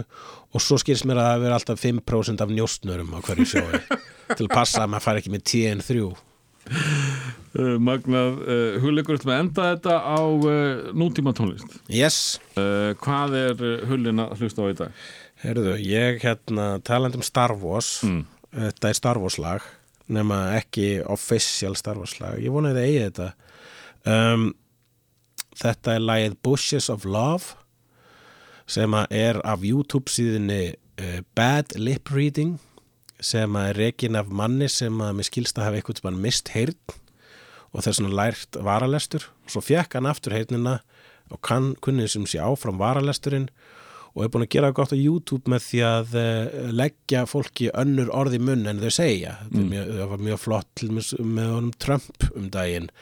Við notum mjög mikið pólitík en hann líka hefur sérst, endur dúpað Star Wars. Og hann hefur gefið út eitthvað Star Wars lög þar sem hann lætur karakterina í Star Wars syngja lög sem að passa akkurat við það sem þau eru að segja í Star Wars nema hann býr til tónlist stað, yfir, yfir atriðin. Og þetta er bara svona góð tónlist. Mm. þetta er mjög súrt og skrítið en uh, er orðið eina mínum uppáhalst flytjandum í dag og þetta er lagið Bushes of Love. Og flytjandi myndi þá vera Bad Lip Reading. Hugleikur takk kærlega fyrir komuna Hey, how'd my father die? 49 times. We fought that beast, your old man and me. We had a chicken head with duck feet, with a woman's face too. Oh, that's rad. And It was waiting in the bushes for us. Then it ripped off your dad's face. He was screaming something awful. In fact, there was this huge mess, and I had to change the floors. The floors? You see, his blood had drained into the boards, and I had to change them. But we all got a chicken duck woman thing waiting for us. Every day I worry all day about what's waiting in the bushes of love. something's waiting in the bushes for us. Something's waiting in the bushes of love. Every day I worry all day about what's waiting in the bushes of love. Something's waiting in the bushes for us. Something's waiting in the bushes of love. Yo, never knew my dad, he didn't care about me. Dead horizon is all my macro binoculars see. Moisture farming all my life and not a drop spilled. My aunt and uncle double sons and sipping blue milk. My aunt and uncle double sons, I'm sick of blue milk. But then a desert hobo came and told me got a chicken duck woman thing waiting for us. Every day I worry all day about what's waiting in the bushes of love. Something's waiting in the bushes for us.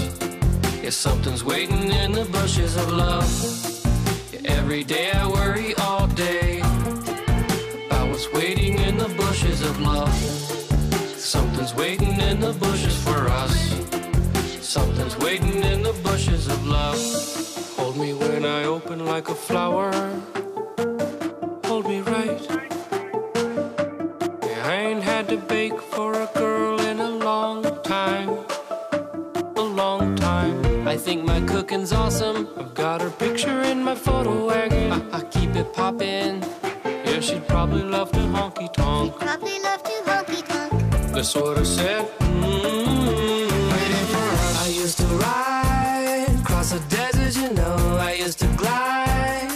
My speeder of faith that I don't find, but I don't wanna find.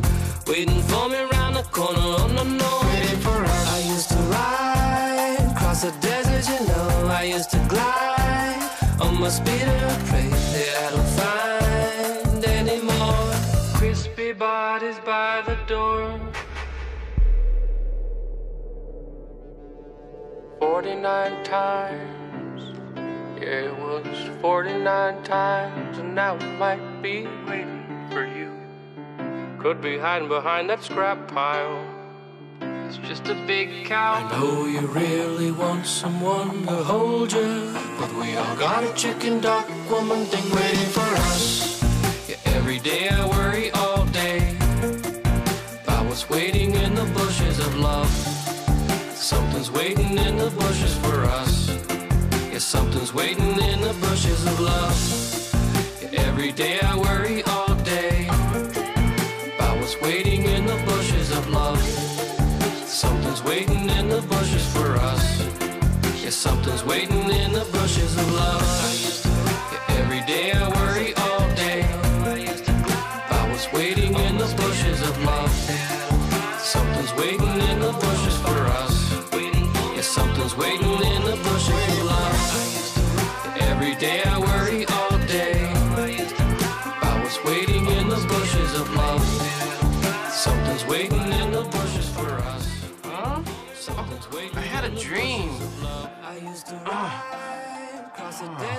This cute girl kept kissing me over and over. Oh, yeah, well, there's something I gotta tell you about her, but just remind me later. around the corner, no, no. Waiting for us. I used to ride across the desert, you know. I used to glide on my speeder, pray that I don't find, but I don't wanna find. Waiting for me around the corner, oh no, no.